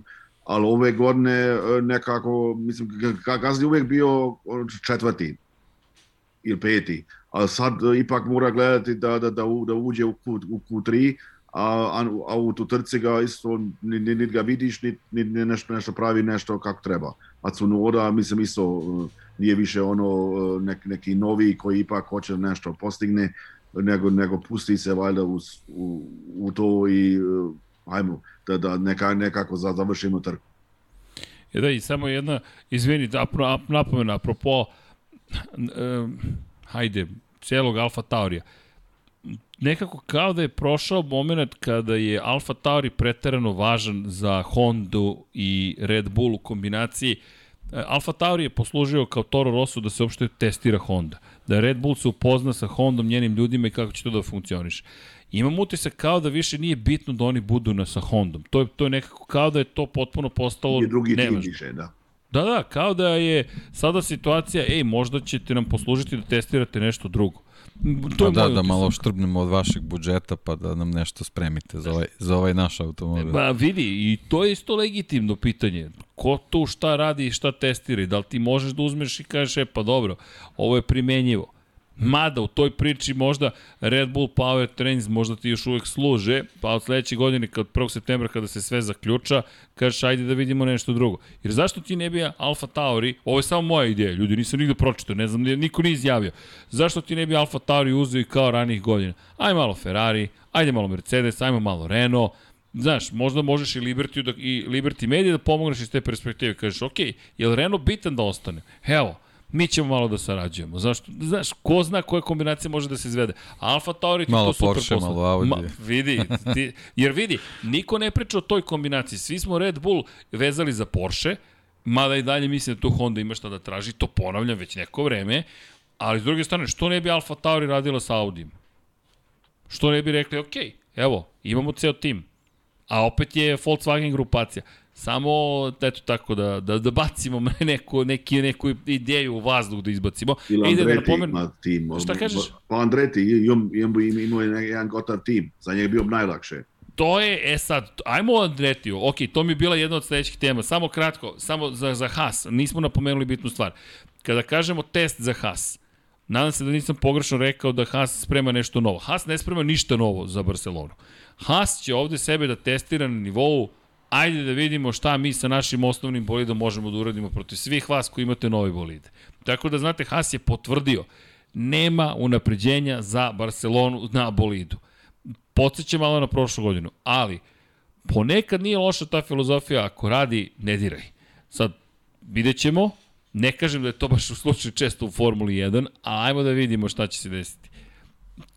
Čisto da napomenemo za Haas. E, I, apropo ovoga što si spomenuo, pazi, to je sad mnogo zanimljivo. Andreti ne može da nađe ulaz u Formulu 1. Toto Wolff je rekao sledeće.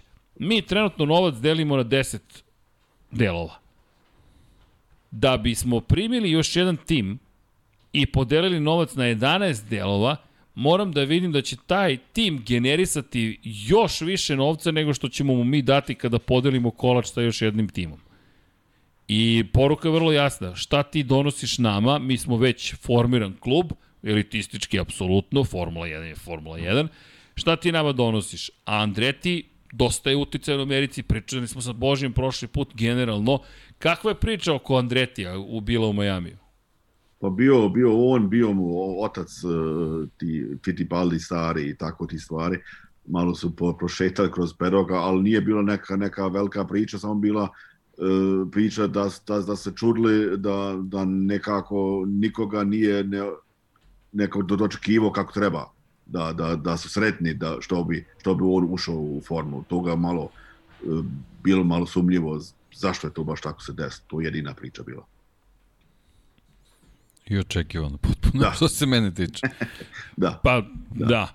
Ne, ali ja bih volao da vam kažem da Pa vidim... ne, ja, da, ja crveni tepih za njih apsolutno ne očekujem ni na koji način. Mislim, to je jednostavno ovaj, pre svega ogroman zaloga i oni moraju nekom, nekom, na neki način da dokažu da pre svega imaju kapacitet da se uključu tu ovaj, ekstremnu tehnologiju koja se pojavljuje u Formuli 1 koja je mnogo drugačija od bilo kojih vidova trka u, u, u. Sjedinim državama gde su gde, gde porodica Andreti znamo šta, kakvo ime izgradila i šta je sve uspela da uradi ovaj Formula 1 je stvarno ogroman zaloga i, i, i još jedan tip poput Hasa generalno Formula 1 na takav način ne treba to, to je upravo ono što je što i Toto, Toto Wolff rekao. A kako bi Andreti mogao da se pojavi pa da, da u, u samom početku bude konkurentan, to stvarno u ovom trenutku ne mogu baš da vidim, osim ako oni na neki način to ne uspiju da dokažu, da, da, da objasne kak, kakav je koncept, kakav je ideja, mislim, ali to au, automatski znači da u startu oni moraju da raspa, raspoložu sa ogromnim kapitalom u ovom globalnom trenutku ni, nisam baš siguran ko je spreman da, da na taj način uđe u priču samo zbog njihovog imena jednostavno ne vidim. Pritom tu postoji i ona upisnina famozna u Formulu 1, Postoji. tako da to je ogromna količina novca koju Andreti mora da spremi da bi, da bi krenuo u tu, tu igru, a znamo da svaka igra vezana za automotosport, mislim, ne donosi neku spektakularnu zaradu, mislim. Uglavnom je sve trošak. Tako da njihov, njihov trošak i njihov hobi u tom trenutku stvarno može da bude mnogo skup. Ali to Wolf je sve to, bukvalno kao što, si, kao što smo rekli, na, na novac. I ovo što ti govoriš, svi sada žele da uskoče u Formulu 1. Samo bih se vratio dve godine unazad. Nije baš bilo toliko ljudi zainteresovanih da uskoče u Formulu 1. Da se ne lažemo. Radimo mi ovo dosta dugo. I to su ti talasi. Dolaze, idu gore. Sinusoide je stalno tu. Nekako cilj, ja to uvijek kažem, sinus plus 1. Sinusoide koja na kraju dana kad provučeš neku pr- prosečnu vrednost ide uvek na gore. E sad, ono što na, da napomenemo, apropo ulaska u Formulu 1, 200 miliona je neophodno da daš novca da bi uopšte ušao u igranku. E, Da podsjetim još Da jednom... bi seo za 100. Da bi seo za 100. To ti je chip in. Da, da. Koliki je chip in? 200 miliona dolara. Okej. Šta ti, s druge strane, treba još da uradiš kao što si rekao da bi ti bio konkurentno. S kim ćeš ti da sarađuješ? Gde će ti biti fabrika? Odmah all in. Odmah all in, znaš da, ali vidi, Jordanovski, ako hoćeš da budeš, da postaneš milioner u Formuli 1, počni kao milijarder. Ljudi, VJ Malija nije mogao, čovjek je pokušavao, mnogi su pokušavali da stvore tim. Zaglavit će zatvor zbog Formula 1. Bukvalno, pazi, to nije stvar koja, u koju ulaziš tek tako. To je beskonačno. To, ne, baš smo pričali nešto o automobilizmu generalno, automotosportu. To nije posao koji donosi pare. To je mesto gde se troše pare. Bukvalno. Da se novac obrće. To, To je- bukval, to je to, je poenta. To, to, to nemojte očekivati, to je kao Vegas. Preporuka svima, ako budete putovali u Las Vegas. Novac koji unesete taj grad, oprostite se od tog novca čim ste stupili na tlo Las Vegasa. Ako očekujete da ćete postati milioneri, good luck. Mi vam želimo sreću, ali nek vam to ne bude plan, molim vas. Neka vam plan bude ovo što sam poneo ću potrošiti. Sakrite od sebe kreditne kartice, šta god imate što može da vas zaduži zbiljnije i od neku debitnu. Uzmite, na nju stavite novac koji ste spremni da potrošite. Tako se ide u Vegas. I tu je kraj. I sakrite 100 dolara, možete se vratiti dakle god ste stigli, zato što će nije ni 100, sada već poskupilo 300 dolara negde sakrite, ili avio kartu nabavite i hui, nazad. I Uber instalirajte da možete da platite nekom karticom koju ništa drugo ne možete platiti osim Uber. E tako i sa Formulom 1. Pirana klub. Klub Pirana, ljudi. Pirane, znate ko je pojeo Pirane? Pojeli ih delfini, rečni delfini ih pojeli. Ili ti korporacije, mega korporacije, koje se zovu Mercedes, Renault, Ferrari, Audi, Porsche, svi su ovi, ovi ljudi fenomenalni. Ali ne možete vi da se poredite kada kod vas dođe konglomerat i kaže čekaj, ajmo da promenimo igru. Tako da Andretijev ulaz je malo old school ulaz, onako starinski. Nije ušao sa Fordom pa rekao, ej, iza mene stoji GM ili stoji ne znam ko, pa ću ja sad da uđem. Ne, nego ja ću sad kao porodica da uđem. Da, tako je na američki način Sylvester Stallone svoje vremeno probao da skupi novac da snimi film, film u Formuli 1, konkretno Ayrtonu Senna i završio je sa Drivenom onim. Sa Drivenom E. koje, u kojem preskače Ivičnjak i To je, tako da, pretiče. to je bila ta ideja američka da se na taj način uđe u Formula 1. Ne ide to baš tako lako. onda je shvatio da je stvarno došao u klub Pirana, gde je sedi, sedi, nema problema. Pa ima ta priča o Vijay Mali, dok kad je bio uspešan, dok je bio low cost, onda je otišao u Toulouse, među prave ajkule, i onda su rekli da vidiš našu izložbenu sobu. Ovo ti Airbus 319, ovo je 320, ovo je 330, a kupi ti to. Kupi ti sve ti to pokupuju. On je čovjek kupio, u početku investicije je bilo tipa 200 miliona dolara. A onda je u Tuluzu potrošio preko milijardu dolara koje nije imao. Zašto? Zato što to tako deluje sl- slatko. Avioindustrija, Formula 1, to su zahtevne industrije. kao easy money. Da. Easy money, nema tog easy money-a. Da, pogotovo u ovoj industriji. Marža je je mikro, mikro, mikro, mikro, mikro. Deluje kao da nije. Ali šta je pojenta? Andreti, bilo bi divno, ali ljudi, ajmo da se surovom, suočimo sa surovom stvarnošću. Bez podrške neke fabrike, zaista ozbiljne, ja ne vidim da Pa ne, seti da se samo ulaska Hasa. Mislim, Has, a šta je Gene, ha, rekao? Gene Haas je uh, na, na, za američke pojmove skoro nešto kao i Andretti. Mislim, jednostavno ikona američkog automobilizma. I on čovjek kad je ulazio, sećamo se kakve priče bila s Haasom. Mislim, to su bile ovaj, stvarno, stvarno priče o ogromnom novču, novcu, planovima, uh, idejama, dugoročnim, krat- kratkoročnim, sve i, evo, sad, sad imamo neku sezonu gde kao eto ile nešto mogu da urade. Mislim, to nije, nije baš nije baš tako jednostavno. Vidi, Posebno u ovom periodu, u stvari od 2000-te pa na vamo, jednostavno, to je sasvim neka druga priča. Je, Jednostavno je. 2020. potpisan je no, poslednji konkurski sporazum. Sporazum koji kaže da svaki novi tim ne može više kao Hispanija, kao Marusija da se pojavi pa... Ne, ne, ne, ne, ne. Sada ako hoćete da uđete, igra se promenila. Bukvalno morate da platite mnogo. A da ne govorim koliko je od prošle godine skočilo to mnogo na mnogo, mnogo. Jer ti sada imaš nešto što želiš da eksploatišeš. Znate kako, to je, to je sad faza eksploatacije. Sada nije faza razvoja, sada je faza eksploatacije. Biće više trka, biće više karata, biće više šovova, biće više svega, dok traje. I ono što si ti Hasane lepo rekao, još uvek se ljudi drže prošlogodišnjeg Abu Dhabija i prošlogodišnje sezone. I duela između Maxa Verstappena i Luisa Hamiltona. To je duel koji je definisao i ovu sezonu. Možemo mi da izmišljamo nešto drugo, ali nije. I to je Paja super rekao, Ferrarijev, Ferrarijeva renesansa je zapravo nastavila to interesovanje. Jer odjednom se pojavila armija navijača koja 15 godina već nema titulu, koja je imala Alonsa, pa Fetela i sada dobija Charles Leclerc kao, jel te, izabranog sina koji će vratiti titulu u Maranello i koji vodi u šampionatu sveta, ima ozbiljnu prednost ili je imao ozbiljnu prednost i to je nastavak te priče. Još pride Mercedes, evo vidim, molim vas u četu, dajte ljudi, samo pristojno, Mišljenja je u redu da imamo različita mišljenja, samo pristojno, nema potrebe, pogotovo ne vređati bilo Luisa Hamiltona, bilo nekoga drugog. To nema, nema potrebe. Ljudi u Lab 76 smo, šta vam je? Samo pozitivne emocije i dobra energija. I ako se ne slažemo, sve je u redu. Evo, mi se ne slažemo često, pa se ne slaže često.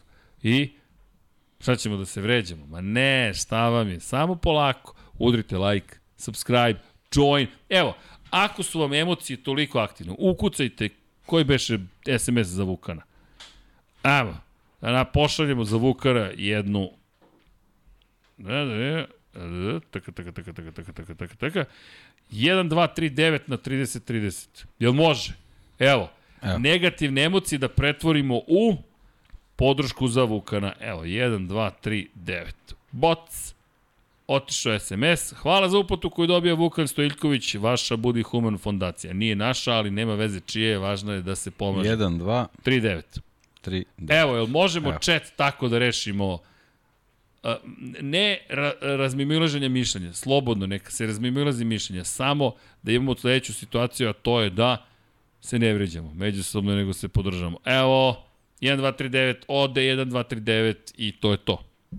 Eto. Hvala za uplatu koju dobio Vukan. Tako je, evo molim vas za Vukana, eto, to je najmanje što može. A i, ukoliko ste van Srbije, ima neki Vukan, ima neko dete kome treba neka podrška, ima neko kome nešto treba da se uradi lepo. Ljudi, nevažno je gde živite, važno je da budemo pozitiva.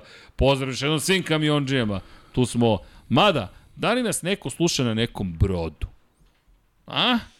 pozdrav za neku dugu plovidbu, to moramo da vidimo da li postoji ili ne mora ni duga plovidba, neka plovidba. Evo ovde pokazuju talase, imaju poskakivanje po defaultu. po defaultu ide poskakivanje, dobra, dobra. Dakle, tako da eto, pozdrav. I da se vratimo na Andretija. Hasane, da li ti vidiš da će, da će se pojaviti nova ekipa? Teško. Teško. Ja da. mislim, najlakše je uvijek bilo da, da, da preuzmeš neku, neku postaju. Da, najlakše se pojaviti na neki način, ali sve da, ostalo. Da, da, da, ali da. mislim da, da, da neće biti bit, bit 11, nego to će ostati na 10 i možda će neko, možda Haas, možda, možda Williams, možda, možda i Alfa Tauri, ko zna e, bi možda bi bilo neki neki način da, da, da, da, da neko uđe, ali svi čekaju isto 2026 šta, una će biti, ja mislim, nek, neke velike promjene. Pa da, 2026. jeste ta godina. Nije ona tako daleka kao što se čini. To su tri po sezone još i onda smo već u 2026. I to isto da ne to ne samo da zaboravimo. Zašto sada investicije ove bolide su mnogo Nodi 1337 ima ja sam ja e, e, ima ja sam radim na kruzeru. To Nodi, to to to to Nodi, tako je. To volim da čujem. Tako da pozdrav za ekipu sa kruzera. Jeste ih zarazili? Neki mi strani jezik, neka sve je u redu. A, Pozdrav ekipi. Može savjet za GP u Mađarskoj, gde je najbolje za nabaviti karte? Jao, to je, znate šta, nezahvalna uloga, gde da vam kažemo da idete, zato što...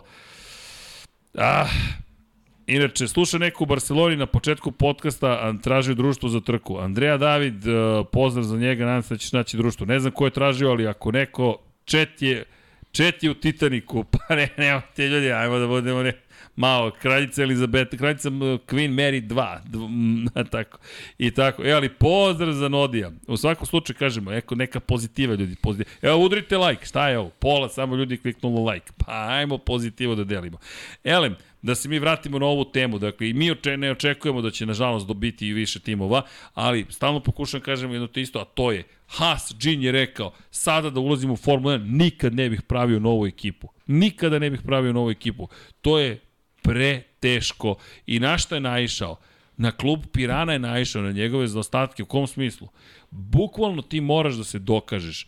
Kao što je jedan od manje omiljenih menadžera ekipa Dejana Potkonjaka, Flavio Bretore pričao, ali činjenica da je pričao, United Colors of Benetton, tamo neki ljudi koji se bave trikotažom će sada da uđu u Formulu 1 i nas da pobede, nas prekaljeni trkače.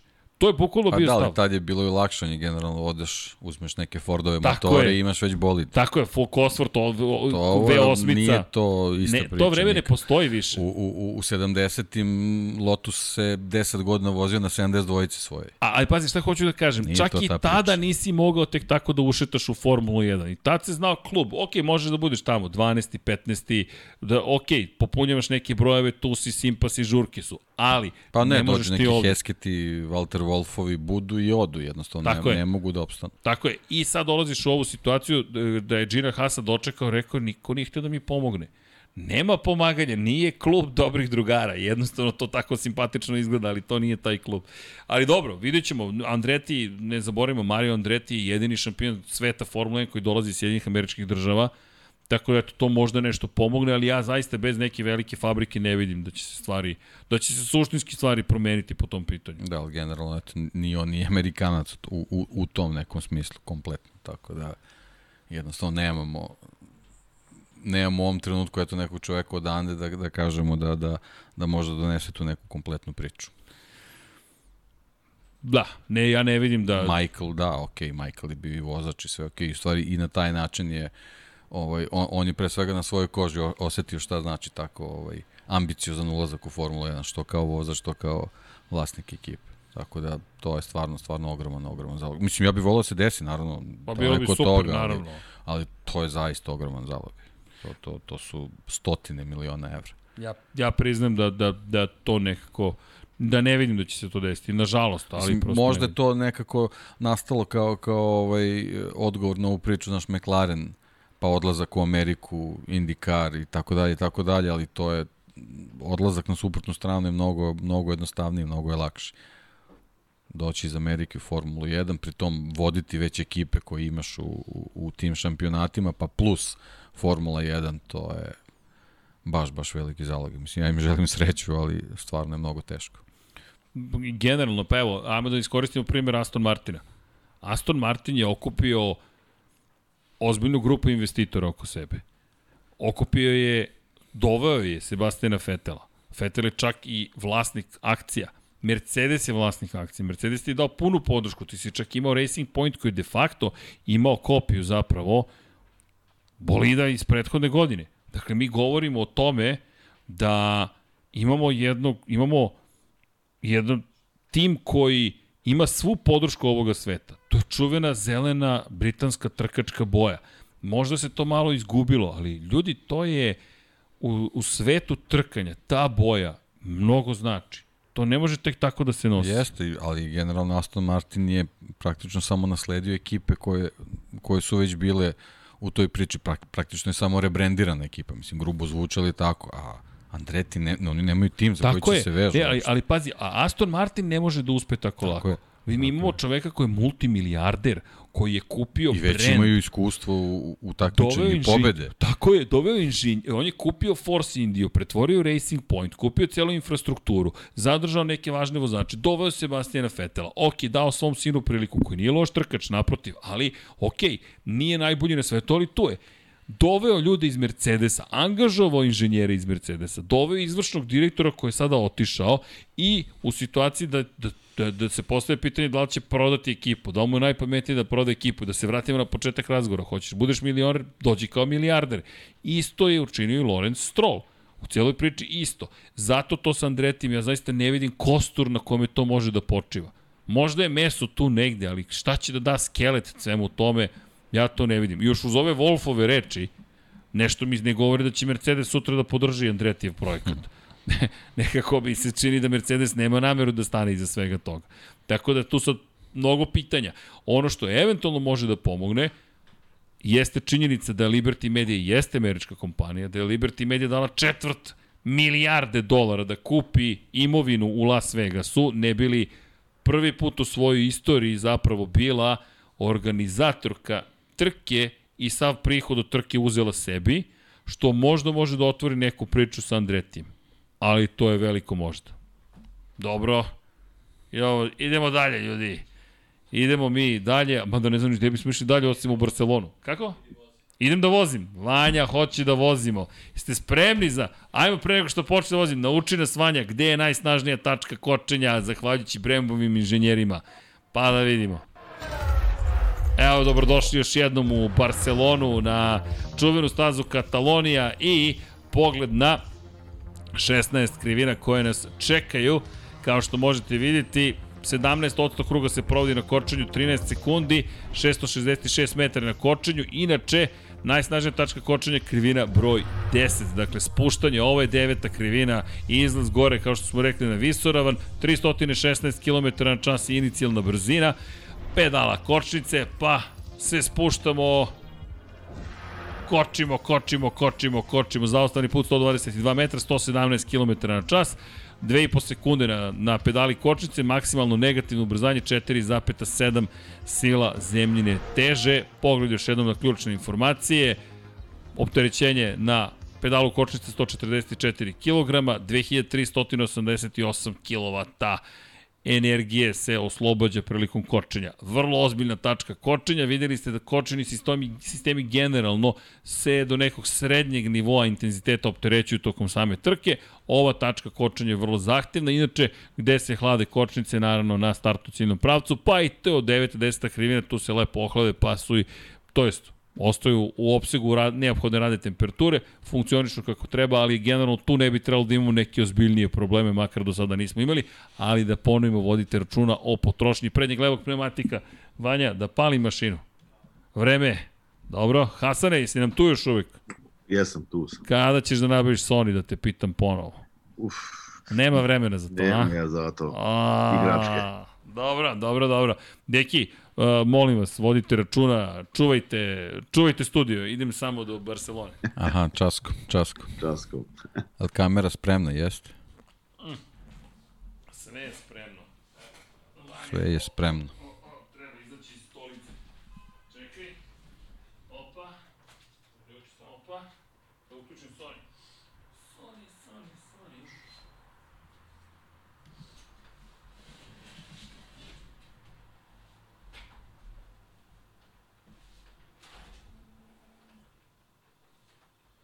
Ja. Treba će ti mikrofon jedan. To da... Mhm. Da smontiram sve.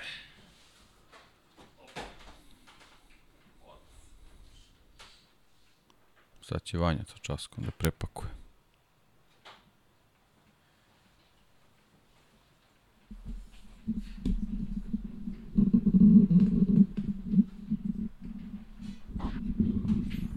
Dobro, ovo će sad biti lako, EA pošto Sport. poznaješ ovu stazu. The Tako da, Aha. verujem, verujem u tebi novi rekord. Opa. No pressure. Ajmo da vidimo. Gde smo? Ja jedno čekam 2022. Inače, šta moram namestiti kameru? Namestio sam kameru. Šta? A, reci. A? Jel sam uspeo? Jel treba se izoštri? Kreci, na koju stranu? Jel to to? Vanja, čekaj, pa šta ti je?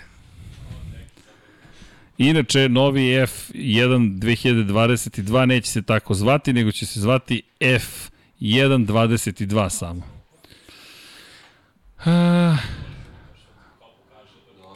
solo. Time trial. Ok. Vanja, a, ko, s kojim bolidom vozim? Ćemo neki mekla. Šta kaže Hasan? Mada me Hasan sad ne čuje. Dobro pitanje. Šta ćemo, Ferrari, a? Šta trebam da pitam? Koji bolid? E, Hasan je pita Srđan koji boli da izabere za, za trkanje. Hasa da vidimo. Has. Je dobar. Has. Has da vidimo valja. To, Ajmo, to, to. Has, ako To, Hasan to. kaže Has, it is Has. Čekaj samo da pojačam Nemoj samo da nas banuju zbog ovih reklama na Blidu, pošto je ostaje brendiran A da, da, pred početak sezone, da.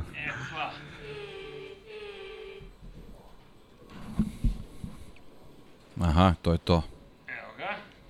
Piše Has, dobro, je, super. Uh. Ajmo. Da vidimo. Gde smo u celoj priči? Pa da, ovo je poznato, ovo je sad već, možemo Pa, reći da voziš, pa da. Uglavnom jeste. Čekaj, imam čudno osjećaj da je promenjen pogled. Ne, možda sediš samo blizu.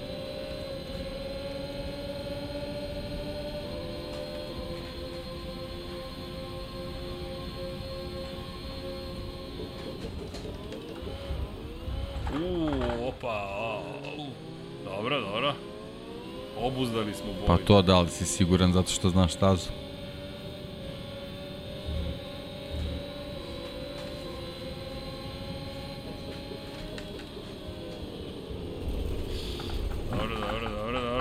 Pronađem koje su to brzine. Volim ovdje da izlučem sa Jesi staze. Rozbija ili Hamilton Dobro. bio sad? Prvi zid danas. Da, ovo je ličilo na Rosberga.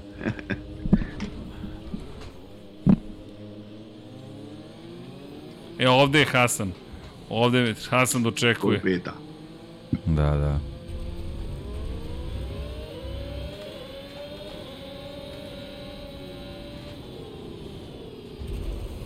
Srki, ugri gume malo, ne može tako. Da, da, samo dok povatam koje brzine, gde, kada, kako. Dobro.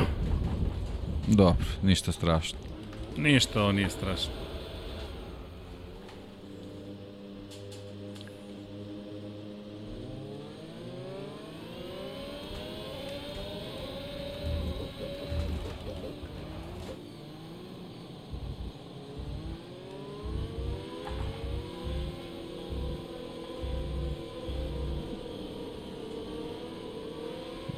Se čuje.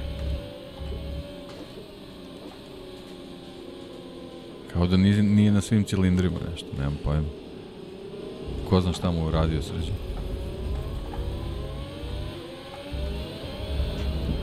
A, dobro. Previše sam hteo. Dobro.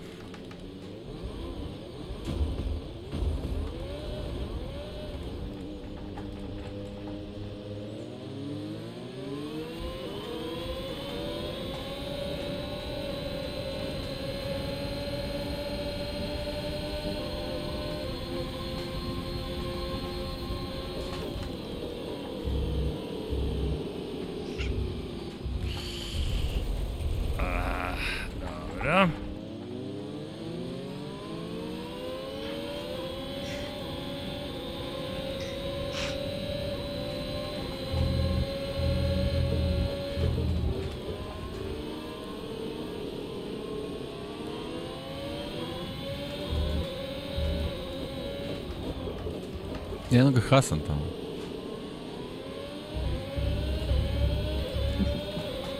Srki, možeš se pokažeš, sad ima koja ti slika. Da. Ovo. Ne, sad Tako ne bude. odgovara, sad se koncentriše, potpuno ne čujemo Pa da, uopšte. da, Da, da, ništa. Nema komunikacije. Tunelu je.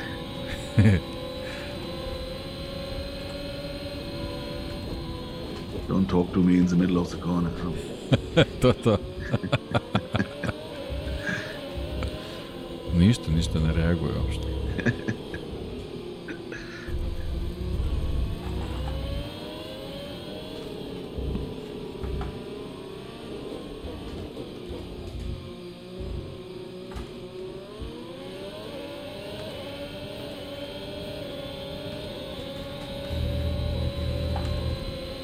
Savršen izlaz je ovo bio.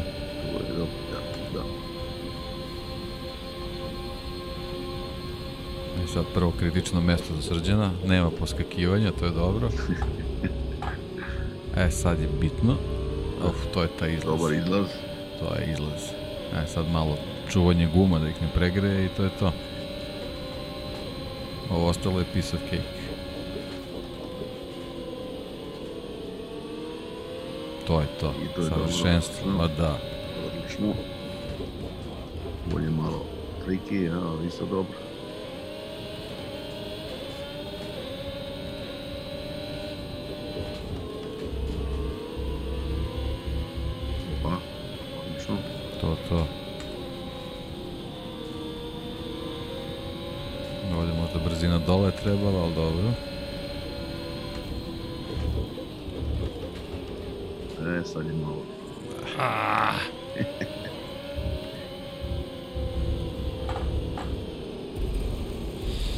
Ispadne iz ritma i odmah. I odmah to je to. gotovo. da. To je to. Ah, dobro. Kad krene serija, to je to. Da, da.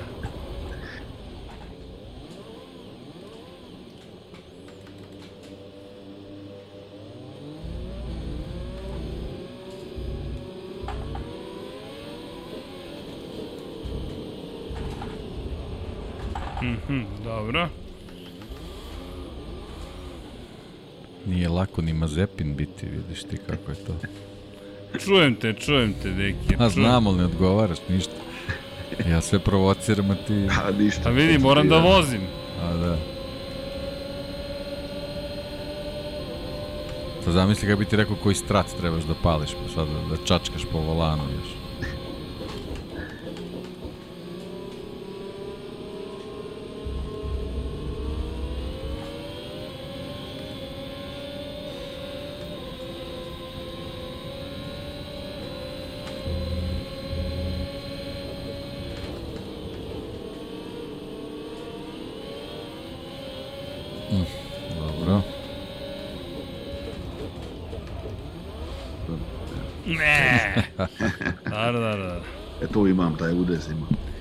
Izblokirao sam Da. ih.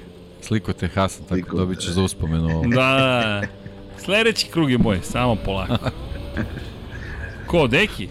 Ma neće, neće. ne, ne, ne. Pusti, Deki je stari, dobri trol u ovoj situaciji. Ali tako se trenira, Deki mene tu inspiriše. A ne, srđane, ajmo, ajmo, možeš ti to. Dobro, dobro. Izgleda ne funkcionira Haas na, u Barcelone. Ne, ne.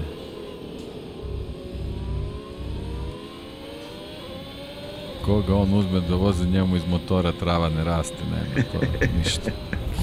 Dobro, dobro. A, Tako je Moto Grand Prix generalno. Ovako, misliš, gledamo u zidove. Koga si beše vozio sad Moto Grand Prix? Prošlo, A, koga, vozio? smo vozili? Nije smo Rinsa vozili. Jao, ne znam. Ja mislim da mi- jesmo. Jel jesi? Aha. Jao. Ja sam Morbidelli, a on je...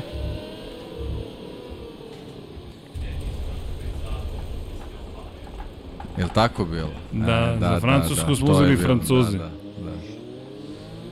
Bravo, Fabio i Zarko.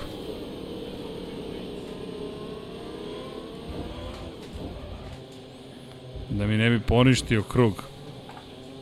Nije, nije, nije.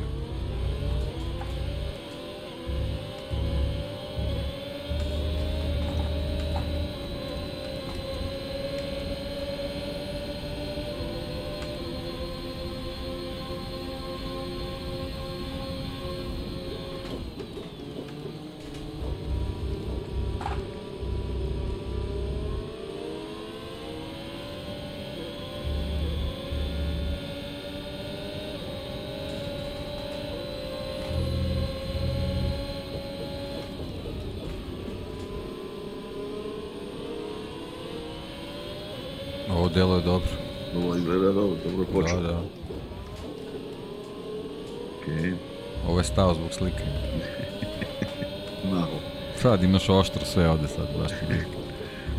E sad da vidimo ovdje. Ovo nije loše bilo. Ih, Okej. a nije loše bilo. Nije da. loša, ali... Sad dole u u desetoj uvijek malo. Kasni za kočenje. A, Okej. A, Da. Ovo je samo zbog lošeg balansa, pogodio Da, da, tačku. da, da, Dobro. Tu ti je do tre klimece. Vidi gore sve zeleno, tako da sve u redu. Da je, može, da. Može. Polako. Ok. E. Ja, ovo je dobro. Ovo je super. Odlično. 243.000 ti je, tako da je odlično. Dobro, ovo nije bilo toliko loše.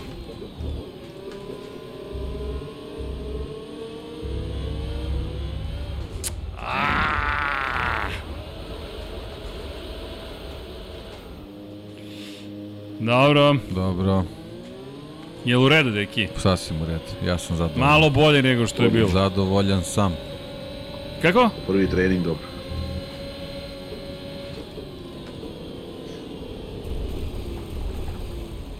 Dobro, je malo motorcycle style, kočenje u krivini.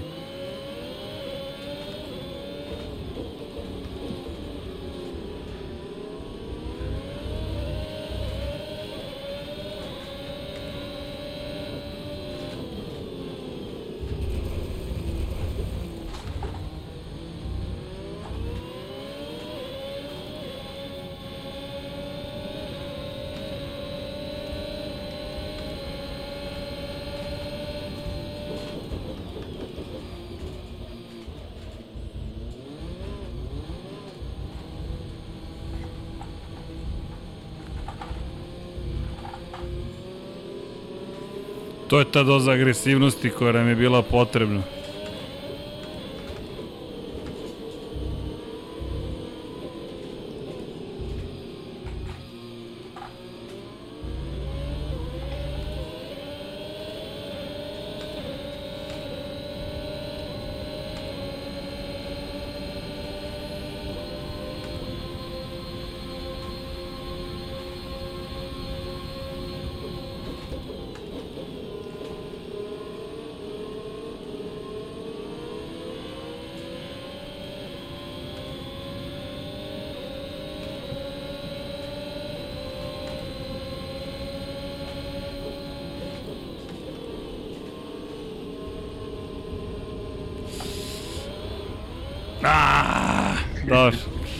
Nije bilo loše. Idemo dalje.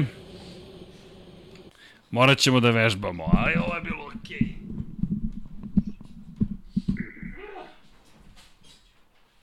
Hvala Vanja. Hvala drugari. Hvala Srki. Da, hvala. Nema, Odlično. nema na čemu i drugi put. Uživali smo. Hasane, si zadovoljan? Odlično. Malo bilo Dakar, malo više Dakar nego... Top. Do, Ja sam to zbog tebe, znaš, da, Pa znam, da znam. ima... da imam nove uglove. To, to, to, da malo bacimo šljunak, razumeš, tako neke lepe stvari da Pa ko izvedemo. voli, da, da. Da, da, da, pa ko voli. I tako, ćemo da najavimo trku, da kažemo, šta, naš, Paja kaže često, kao, šta, šta ćemo da najavljamo, ko zna šta će da se desi. Evo, Hasan je rekao Max Verstappen će da pobedi, to je Hasanova. Znate šta će da se desi? Borit će se Ferrari i Red Bull, to znamo pouzdano. Neće, neće se boriti, Biće Red Bull. Evo, Deki kaže Red Bull 1-2 ste, zab, ste zabrinuti, niste zabrinuti. Šta mislite da Ferrari ništa neće uraditi? Pa ne znam, ja nekako naravno, ono, bilo mi je drago, znaš, od početka sezone kako su sve krenuli, ali nešto tu ne, ne, ne odaju mi utisak da, da su spremni za neke velike stvari. Da, dobro. Dobro. Ja dalje verujem u Ferrari. Možda sam ja samo onaj dosadni, ali ja i dalje verujem u Ferrari. Mislim, meni generalno ta čitava najava oko, oko Barcelone mi ide na tu stranu da stvarno treba bukvalno od prvih treninga gledati sve zbog toga šta ćemo dobiti To, na to, stazi. to, to, je, to, to. to me onako najviše, najviše interesuje. E, to je lepa savršena najava, Da. zapravo gledajte sve Tako je, treninge, tako je, bukvalno, tako je. jer u prvom treningu će vidjeti ko zna koje delove, u drugom treningu ko zna koje delove, jer Vremena treba pratiti, nikad De Vrisa treba pratiti. tako je, Svašta nešto tu ima da se prati. Pazi, De Vries, to nije mala stvar. Ti dobijaš priliku da sedneš u bolid Formule 1 da kažeš, ej, ljudi, setite da. se mene, ja sam šampion Formule 2, šampion Formule E, dolazim iz Holandije, imam podršku Mercedesa, hello, i imam šansu da nešto uradim, a zatim u popodnevnim časovima priprema i za kvalifikacije za trku. Pa da vidimo, meke gume, srednje tvrdoće, tvrde gume, ko će biti bolji i onda treći trening, e sada konsolidacija redova. Ajmo da vidimo ko se tu najbolje pripremio, onda naravno kvalifikacije i bum, veliki, veliki moment, to je trka. Kada već pričamo o Formuli 2, Da, to ne smemo opet da zaboravimo, ali mi kada je reč o Formuli 2 imamo tr trku u Barceloni, to jest imamo dve trke u Barceloni, imamo naravno standardno dve trke i u Monaku i mi tu nastavljamo zapravo sezonu. Teo Puršer ima dva poena prednosti u odnosu na Filipa Drugovića, Džehandar Uvale na poziciji 3, čovek koji je direktan rezultat, njegova karijera je direktan rezultat Vijaya Malije i projekta jedan od milijardu, tako da Džehan, Indijac, momak je tu, Francus, Brazilac, Indijac, onda Liam Lawson dolazi u toj cijeloj priči sa Novog Zelanda, čisto da znate koliko je sve međunarodno, Richard Verschur iz Holandije, Ralf Boschung iz Švajcarske, Markus Armstrong koji nam dolazi takođe sa Novog Zelanda, Juri Vips iz Estonije, Ayumu Iwasa iz Japana i još jedan Brazilac Enzo Fittipaldi. Imamo da. i Logana Sargenta A... koji ima svoju ima podršku veliku, izvini. Da, Liam Lawson zna da bude spektakularan, tako da tu ga treba gledati. Uh, da. O da, i tekako zna da bude spektakularan. I ima još jedna stvar koju, tre, koju mislim treba da spomenemo, a to jeste zapravo i prateće takmičenja, još pratećih takmičenja. Ko nije pratio, ko nije generalno pratio da kažemo, ono što se dešavalo u Majamiju, e, topla preporuka da budete sa nama ovog vikenda, zato što dolazi ponovo Formula W. Dakle, treća trka, ko će da pobedi? Jamie Chadwick, to znamo, ali to je jednostavno, ali nema veze, pratite, zabavno je. I Jamie Chadwick na prve dve trke pobednica u prve dve sezone, osvajačica titule, Jamie Chadwick samo pol poziciju nije osvojila u Miami to je sve. Ej, Hasani, si uspio da ih fotografišeš, ne znam, koliko su ti one interesante, ne kao devojke, nego kao niže kategorije uopšte takmičenja? Pa uvijek se tu, ako, ako, ako neka serija počinje, uvijek to uradiš slike, pa onda ima, imaš preko cijele godine da, jasno, jasno, jasno. Te, te slike, ali, ali ipak djevojke daju sve o sebe isto bez, bez ikakvih problema. Ne, ne, ne, oni su krajnje ozbiljni u tome što da. rade. Da. I još jedna stvar, čisto eto da zakomplikujemo ovaj vikend trkački, ako vam nije dovoljna Formula 1, ako vam nije dovoljna Formula 2, ako vam nije dovoljna Formula W, imate i Formulu 3. Tako da, ovoga vikenda imate ne aktivnosti, nego imate hiperaktivnosti kada je reč o Formuli 1 i ja se nadam da ćete zaista uživati, pošto je pred nama da. jedan vrlo... A i to je dobar grip na stazi. Da, to je mnogo gume, mnogo gume, mnogo gume i iz te perspektive ako ne, ukoliko ne bude, e čekaj, ono što sam nisam proverio jutros, jutros nisam proverio vremenske uslove, šta kaže Barcelona za vikend, s obzirom na činjenicu smo preživeli, e da, svaka čast za prognozu za Le Mans. Deki rekao ove godine suv jedan Le Mans nam, da nam treba i... Nije to bila prognoza, nego želja. Ali ne, rekao si, ne, da. imao si neku logiku iza svega toga. Dakle, da vidimo šta kažu. Petak, subota, nedelja, nema padavina, to je najava za Barcelonu. Tako da će biti lepo i zabavno. I e, još jedna napomena, dakle, kada je reč o Španiji, e, da vidimo mi koliko će biti gledalaca. To mislim da je takođe veoma značajno, pošto Španija obično privlači publiku na stazu isključivo kada ima španskih vozača. S obzirom na činjenicu da Carlos Sainz, koga ne spomenu smo tokom celog podcasta, osim da ne verujemo da, ćemo, da će pobediti, ipak je u Ferrariju, ipak ima šansu i Fernando Alonso u dobroj, u dobroj zaista, da kažemo, formi. Bitni elementi, da. Mislim da možemo očekivati zaista dosta ljudi na tribinama. To je Možda makar moja nada. Možda ćemo tu dobiti ovaj odgovor zašto u Herezu bilo manje gledalaca na Moto Grand Prix. I to mi Možda dalje... su štedeli novac Možda su štedeli Barcelonu, za ovo. Da, da. da ali ja, moguće da je zaista to što smo imali Portimao uticalo na ljude u Herezu ali to je sad, sad samo neka hipoteza.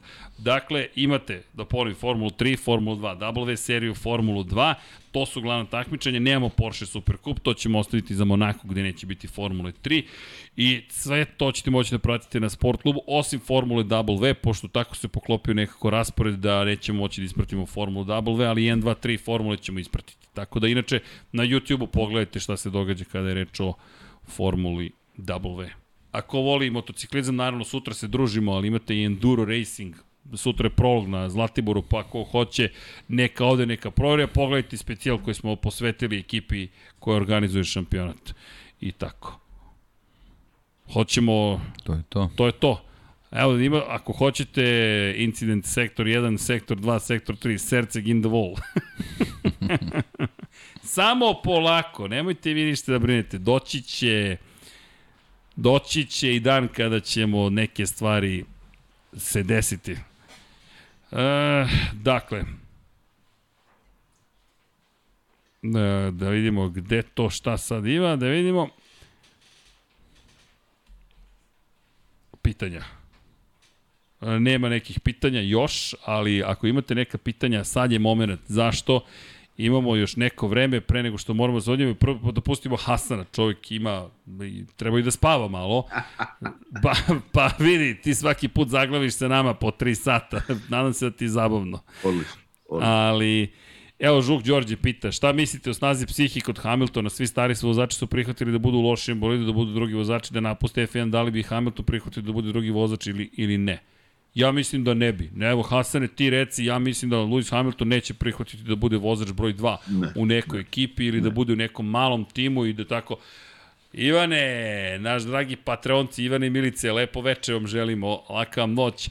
Dakle, hvala, hvala. I, dakle, ono što je pitanje jeste, e, zapravo, da li bi, ja, ja to mislim da se ne bi nikad desilo. Iskreno, Lewis Hamilton je prevelika zvezda, previše uspeha, kao što i Michael Schumacher se nije pozdravio sa Formulom 1 tako što otišao u manju ekipu. Ne, nema on šta da dokazuje više.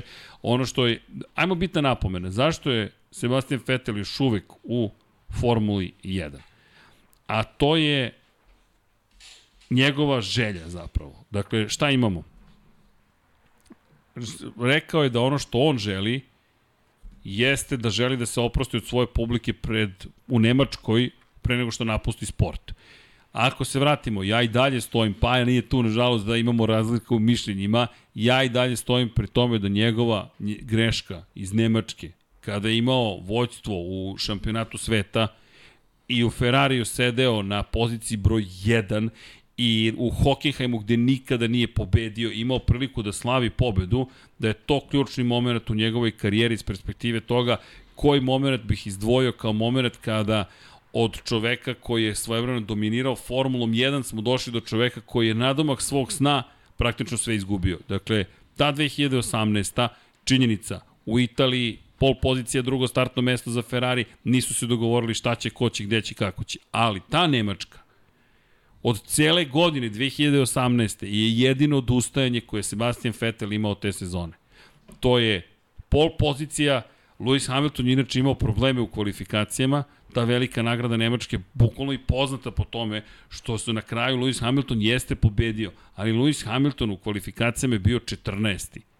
Nije postavio vreme uopšte u Q2 delu kvalifikacija i startovao je 14. U momentu kada ste vi na pol poziciji, vaš ključni rival je 14.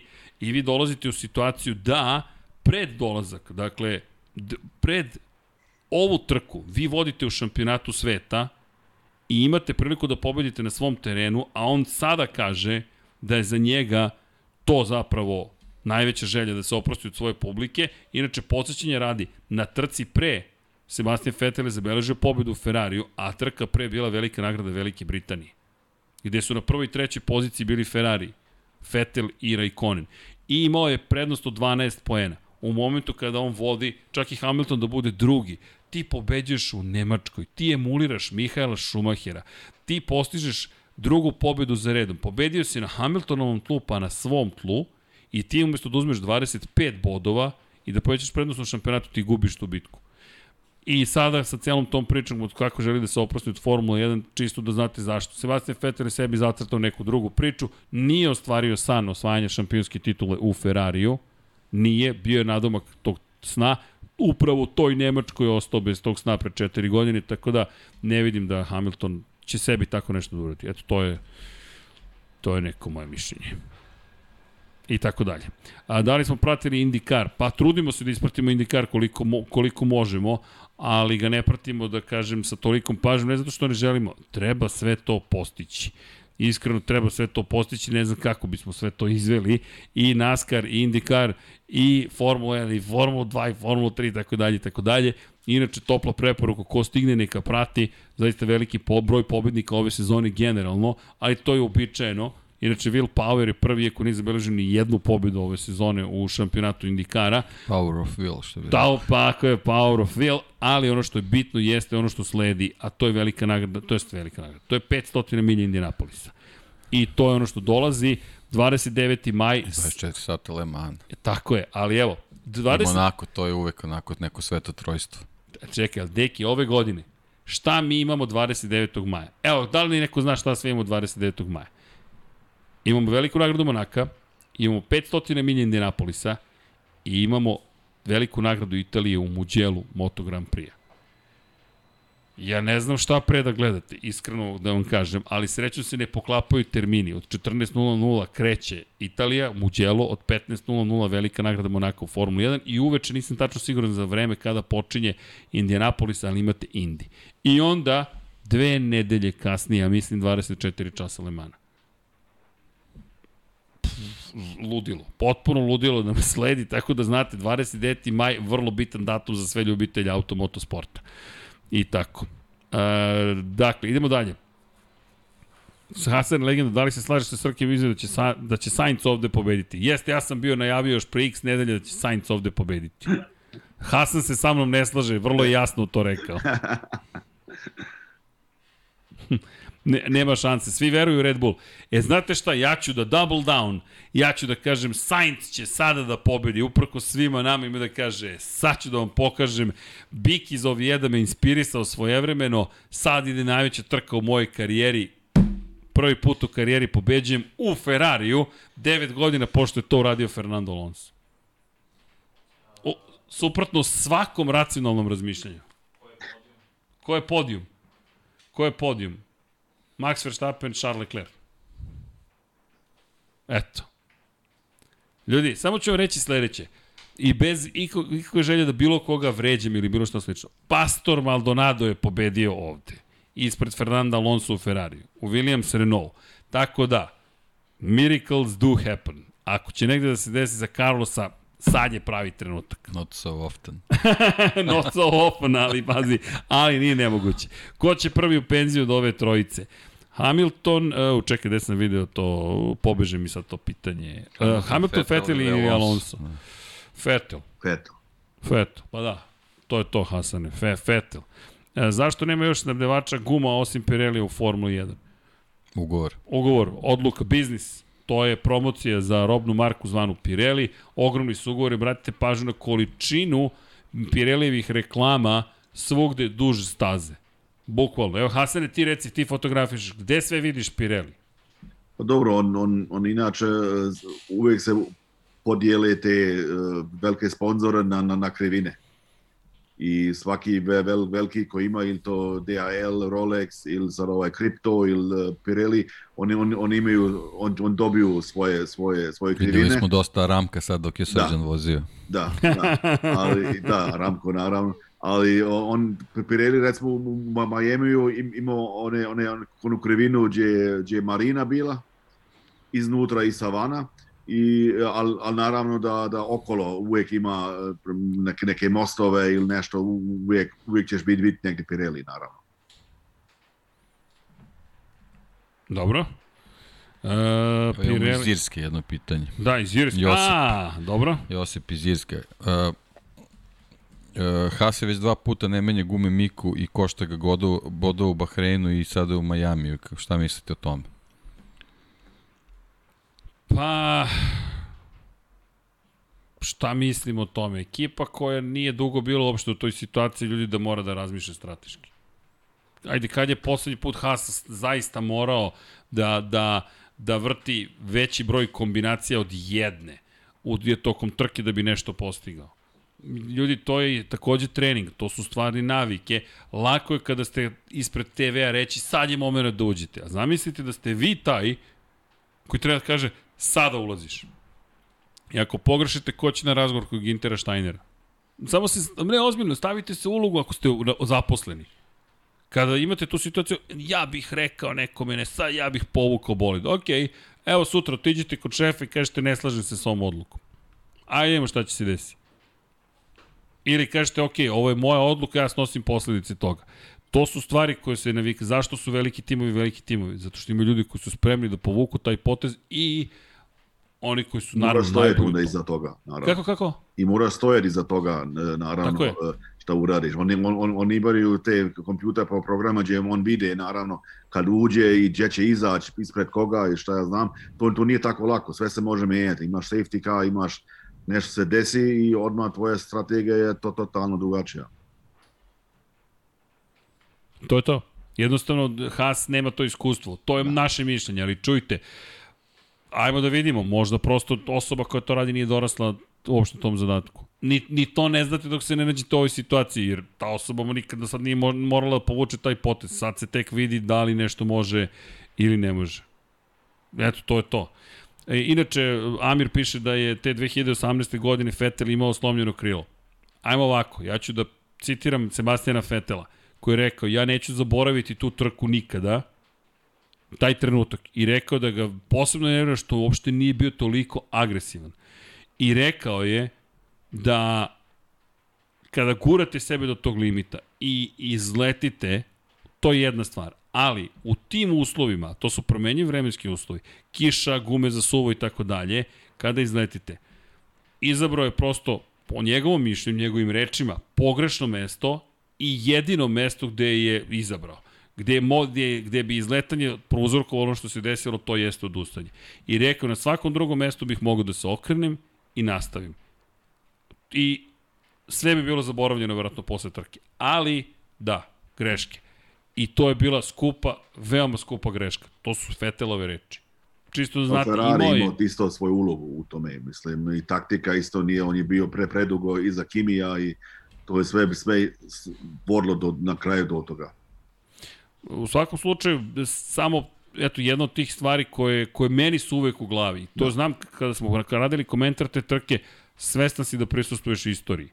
Nemački vozač u Ferrariju koji vodi protiv nezaustavljivog Mercedesa, pobedili su u Velikoj Britaniji na trci pre, idu ka još jednoj pobedi i ti vidiš kako on samo nastavlja pravo, udara u zid i to je to. I kako udara ovako po, po svom volanu. On je plako, da. Da, on je plakao, bukvalno. Da, ali to je, to, to je, to je, to je Formula Danas smo baš diskutovali o tome zašto je bitno da imamo pristup sportistima. To nisu savršeni ljudi, zato što savršeni ljudi ne postoje. Mi nismo savršeni ljudi zato što savršeni ljudi ne postoje. Šta je lepota sporta? Što ti možeš da vidiš jednog Sebastiana Fetela koji je ostvario sve što je ostvario, da i on može da popusti pod pritiskom. To ne znači da on išta lošiji nego što je bio zbog toga. Ne, on je dalje četvorostruki šampion sveta. I to, to, to mora se poštuje. Ali je point u tome da čak i takav čovjek može da pogreši. I to može da bude inspiracija. E, ja neću da pogrešim. Ili možete da kažete sebi, ok, desilo se. Šta god, poenta jeste da je to isto lepota sporta, može da vam prikaže život na jedan tako vrlo jasan način. Ali dobro, ima još pitanja možda neko. Srki, kako komentarišeš slupan bolid Laude koji je vozio Leclerc u Monaku? Đorđe, pričali smo o tome na početku. Otkazala je prednja leva kočnica. Da, da, to je raritet i to je velika šteta, ali taj bolid je već bio slupan, Žana Lezi ga je slupan. Da, nije to, da. Nije to. Ljudi, to se dešava. Ne gledajte to tako strašno na kraju krajeva, to je trkalica i tako to je, je sasvim okej. Okay. To je život Sreća, trkalica, pa nije neki... tako je Ma nije se on povredio, to je najvažnije. Okay. Par šrafova i sve Ti bolidi nisu pretrano bezbedni, odmah da se razumemo. A niko se ne bavi Leclerom, nego se svi bavimo bolidom. Čekajte, valjda prvo čovek. pa ne, ozbiljno. Pazi, on je udario u bol, to je, to je, to je gvožđi. Ljudi, šta vam je, to su bolidi koji kultni su. Oblikom, da. Pitajte Niki Laudu. Ljudi, to su strašno opasne mašine i vi vozite po, po Monaku kao sve je u redu. Haha, ok, haha, raskasa, ali i dalje su to trkački bolidi. To su i dalje, lepo je deki rekao, trkalice, a i život trkalice podrazume da povremeno završi u zidu. Šta da radite? A otkazalo mu, eto, to je to. Da li je Max Nadin Osman Hođić? Da li je Max nešto najsličnije seni što smo dobili u F1 po većini stvari? Pa nije. Ajde, ne preterujemo nije, sad. Da. Nije, nije, nije. Znate šta? Vi, čujte, Sena drugo vreme, drugi ljudi, druga priča, sve to potpuno drugačije. Sena je prešao okean, u, čak i sada su to, evo, evo vam ljudi koji pokušavaju, pa iz Brazila ne uspevaju tako lako. To su 80. godine, pre interneta, pre bilo čega čime mi sada raspolažemo iz perspektive tehnologije, pa i komunikacione. I još jedna stvar, Sena je imao nek, neke transcendentne momente, zaista.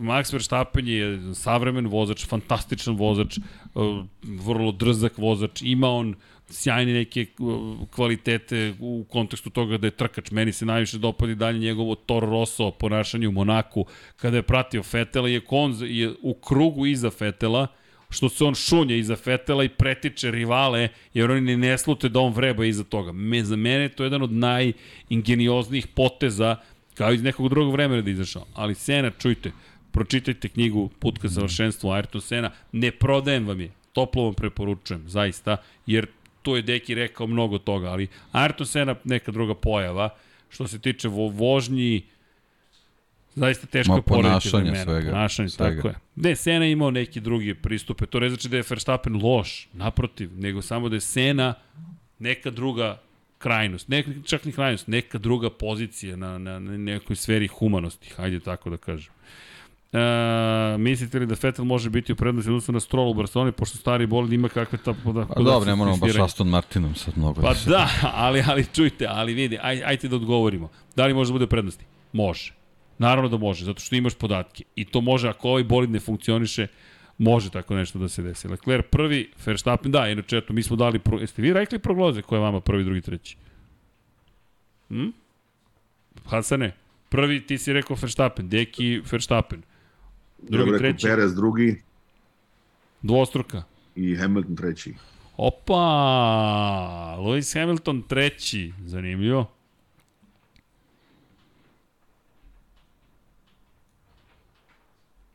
Hmm? Šta, E, moje, drugi, treći, da. Verstappen, Perez, Leclerc. Opa, dvostruka. Okej. E, moje srce se smirilo, kaže ljudi, dok je god DRS-a neće biti drugog, ni Sene, ni Prosta, ni Mensela, ni Schumachera. Pa, teško, ali teško će se opromeniti. Inače, kad spomenu ste Mensela, moram ovo da napomenem. Ne znam da li ste vidjeli, ili prodao je dva bolida Nigel Mansell. I između ostalog prodao je FW14, to je bolid s kojim, kojim je pobedio u Barceloni 1991. godine. Prvi pobednik na ovoj stazi bio je Nigel Mansell, čuveni FW14, posle je postao 14B sa aktivnim oslanjanjem, pa je bio onaj nezaustavljivi bolid, pet pobeda u prvih pet trka sezone. Inače, prodat je u Sotebiju za 4 miliona 222.060 dolara. Okej. Okay. I prodat je još jedan njegov bolid, Ferrari 640, čisto da znate, i taj bolid je prodat. Inače, poznati kao F189, u takmičenju se sa 1989. konkretno se takmičio Nigel Mansell u tom bolidu i zajedno sa Gerhardom Bergerom je vozio u tom bolidu. Inače, Mansell je zabeležio dve pobede za one koji ne pamte, pobedu u prvoj trci u karijeri u Ferrariju i sezone na velikoj nagradi Brazila sa čuvenim, jel te, menjačem koji je imao Pedal shift. Tako je. I imate prvi poluautomatski menjač u Formuli 1, inače kultni po tom pitanju. John Barnard, tako John Barnard, tako je da. konstruisao, prodat za 3 miliona 753.520 dolara, ukupno nekih 8 miliona dolara je bila vrednost onoga što su prodali i eto. Da iz- ima za PDV. Da ima... tako je. Dakle, eto, Nigel Mansell i njegov a garaž u Džerziju nemaju više ta dva kultna bolida, kako zamisli to uđeš, dobro jutro, dobro jutro, ali dobro, vozio ih je on i tako da, eto, neko drugi će sada da uživa. Hasane, jesi ti s nama, jesi se ti lepo zabavio? Naravno, odlično. Hvala. Hvala tebi na vremenu. Oh, uvijek. Vidi, želimo ti srećan put pre svega, Hvala. da se lepo provedeš, da imaš fantastične fotografije, da ključni moment celog vikenda bude u tvojoj kameri, u tvom objektivu zabeležen. Dobro, ne znam da Andrej može. ide, nisam siguran, Andrej ne ide sada. Ne ide, ne u- ide sad. u- u Monako ćemo U, se. Monako. U, u Monaku. Da. E, tamo da podelite dva najbolja momenta i, i to je to. Na, na, naravno, naši drugari. A kada pričamo o, o onome što nas čeka u Formuli 1, pa ljudi, šta da vam kažem, pratite Lab 76, ko zna šta se još sve sprema, valja i tako dalje. Sledeće nedelje Paja nam se vraća, s tim što ko zna, ako je on danas odsutan, jel smijem ja da idem na koncert Iron Maiden sledećeg utorka? Ma idi slobodno. Puto igumane. Ma putu iguman. Kako? Live da se uključim. Kako? A možda i u nedelju posle trke. A?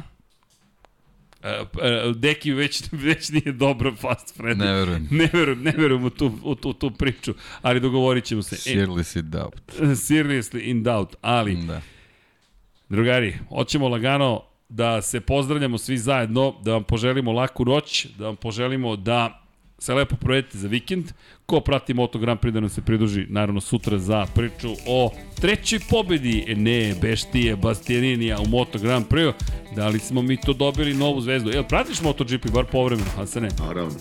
I? Gledao sam trk. Šalim se da ti znaš, pratiš sve. I? Slobodno pustimo. Odlično. A ne može preko. I? Pa, Jel ne, se dopada kako vozi? Dobro, odlično. Pas, Pasjanini baš pobjedio. Za, za Millera mi je bilo, malo žao, pa ma- malo, malo na, navijam za njega. Dobro, ali Ali- Miller, pravi Dobro. showman, pazi, 110.000 da, ljudi, to je bilo super videti, pune tribine, bila je sjajna atmosfera, to je. Ali još smo neki ja diskutovali, da li će biti ljudi, neće biti ljudi na kraju, bum, najbolja trka sezone iz perspektive atmosfere, Da. tako da je baš bilo dobro. Ali, sutra ćemo više da pričamo o tome, Hasane, laka ti noć Hvala ti, Hvala. laku noć, srećan put. i lepo urad, lep posao ti želimo, pratit ćemo krivinu broj 5, Dobro. spomenjat ćemo te tokom prenosa. Znaš koliko ljudi nam često piše, evo ga Hasan u kadru, evo ga Hasan u kadru, evo ga Hasan u kadru. To je taj Hasan Cam, čekaj, ako imaš shoulder cam u MotoGP-u, moramo Hasan Cam da instaliramo, ali koja prati tebe.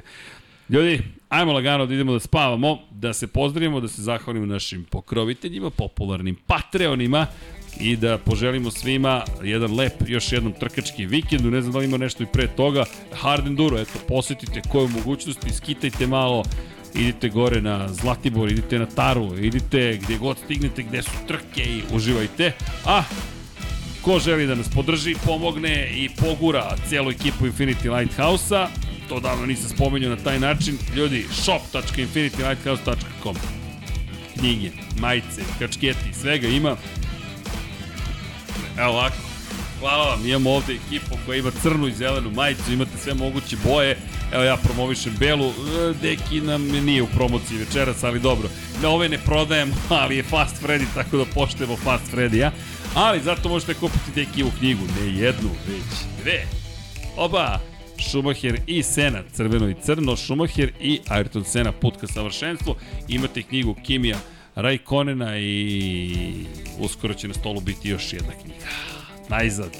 Najzad, koleginica iz prodaje, ne može da veruje šta se zbiva, ali da se mi zahvalimo svima koji nas podržavate i koji ste pokrovitelji patreon.com kroz Infinity Lighthouse da bismo nabavili novu klimu, šalim se, to je prosto sledeća stvar koju ćemo da sredimo i stopili smo se ovde pod svetlima reflektora, ali hvala. Ozren Prpić, Jelena Jeremić, Sava, Ivan Toškov, Stefan Dulić, Ivan nam je bio ovde, Mladen Krstić, Marko Mostarac, Marko Bogavac, Nera Divić, Toni Ruščić, Ivan Maksimović, Zoltan Mezej, Mario Vidović, Miloš Banduka, Aleksa Vučaj, Zoran Šalamun, Ivan Simović, Predrag Simić, Đorđe Radović, Mihajlo Krgović, Filip Banovački, Nikola Božinović, Nenad Đorđević, Miroslav Vučinić, Morika Erceg, Omer Kovačić, Aleksandar Gošić, Jelena Mak, Luka Saović, Žorž, Stefan Vidić, Mlađan Antić, Marko Ćurčić, Borko Božunović, Milan Nečković, Bojan Mijatović, Petar Relić, Nenad Simić, Boris Gvozden, Andrej Božo, Josip Kovačić, Mirjana Živković, Boris Golubar, Đorđe Andrić, Zorana Vidić, Luka Maritašević, Ljubo Đurović, Miloš Vuletić, Dušan Ristić, Marina Mihajlović,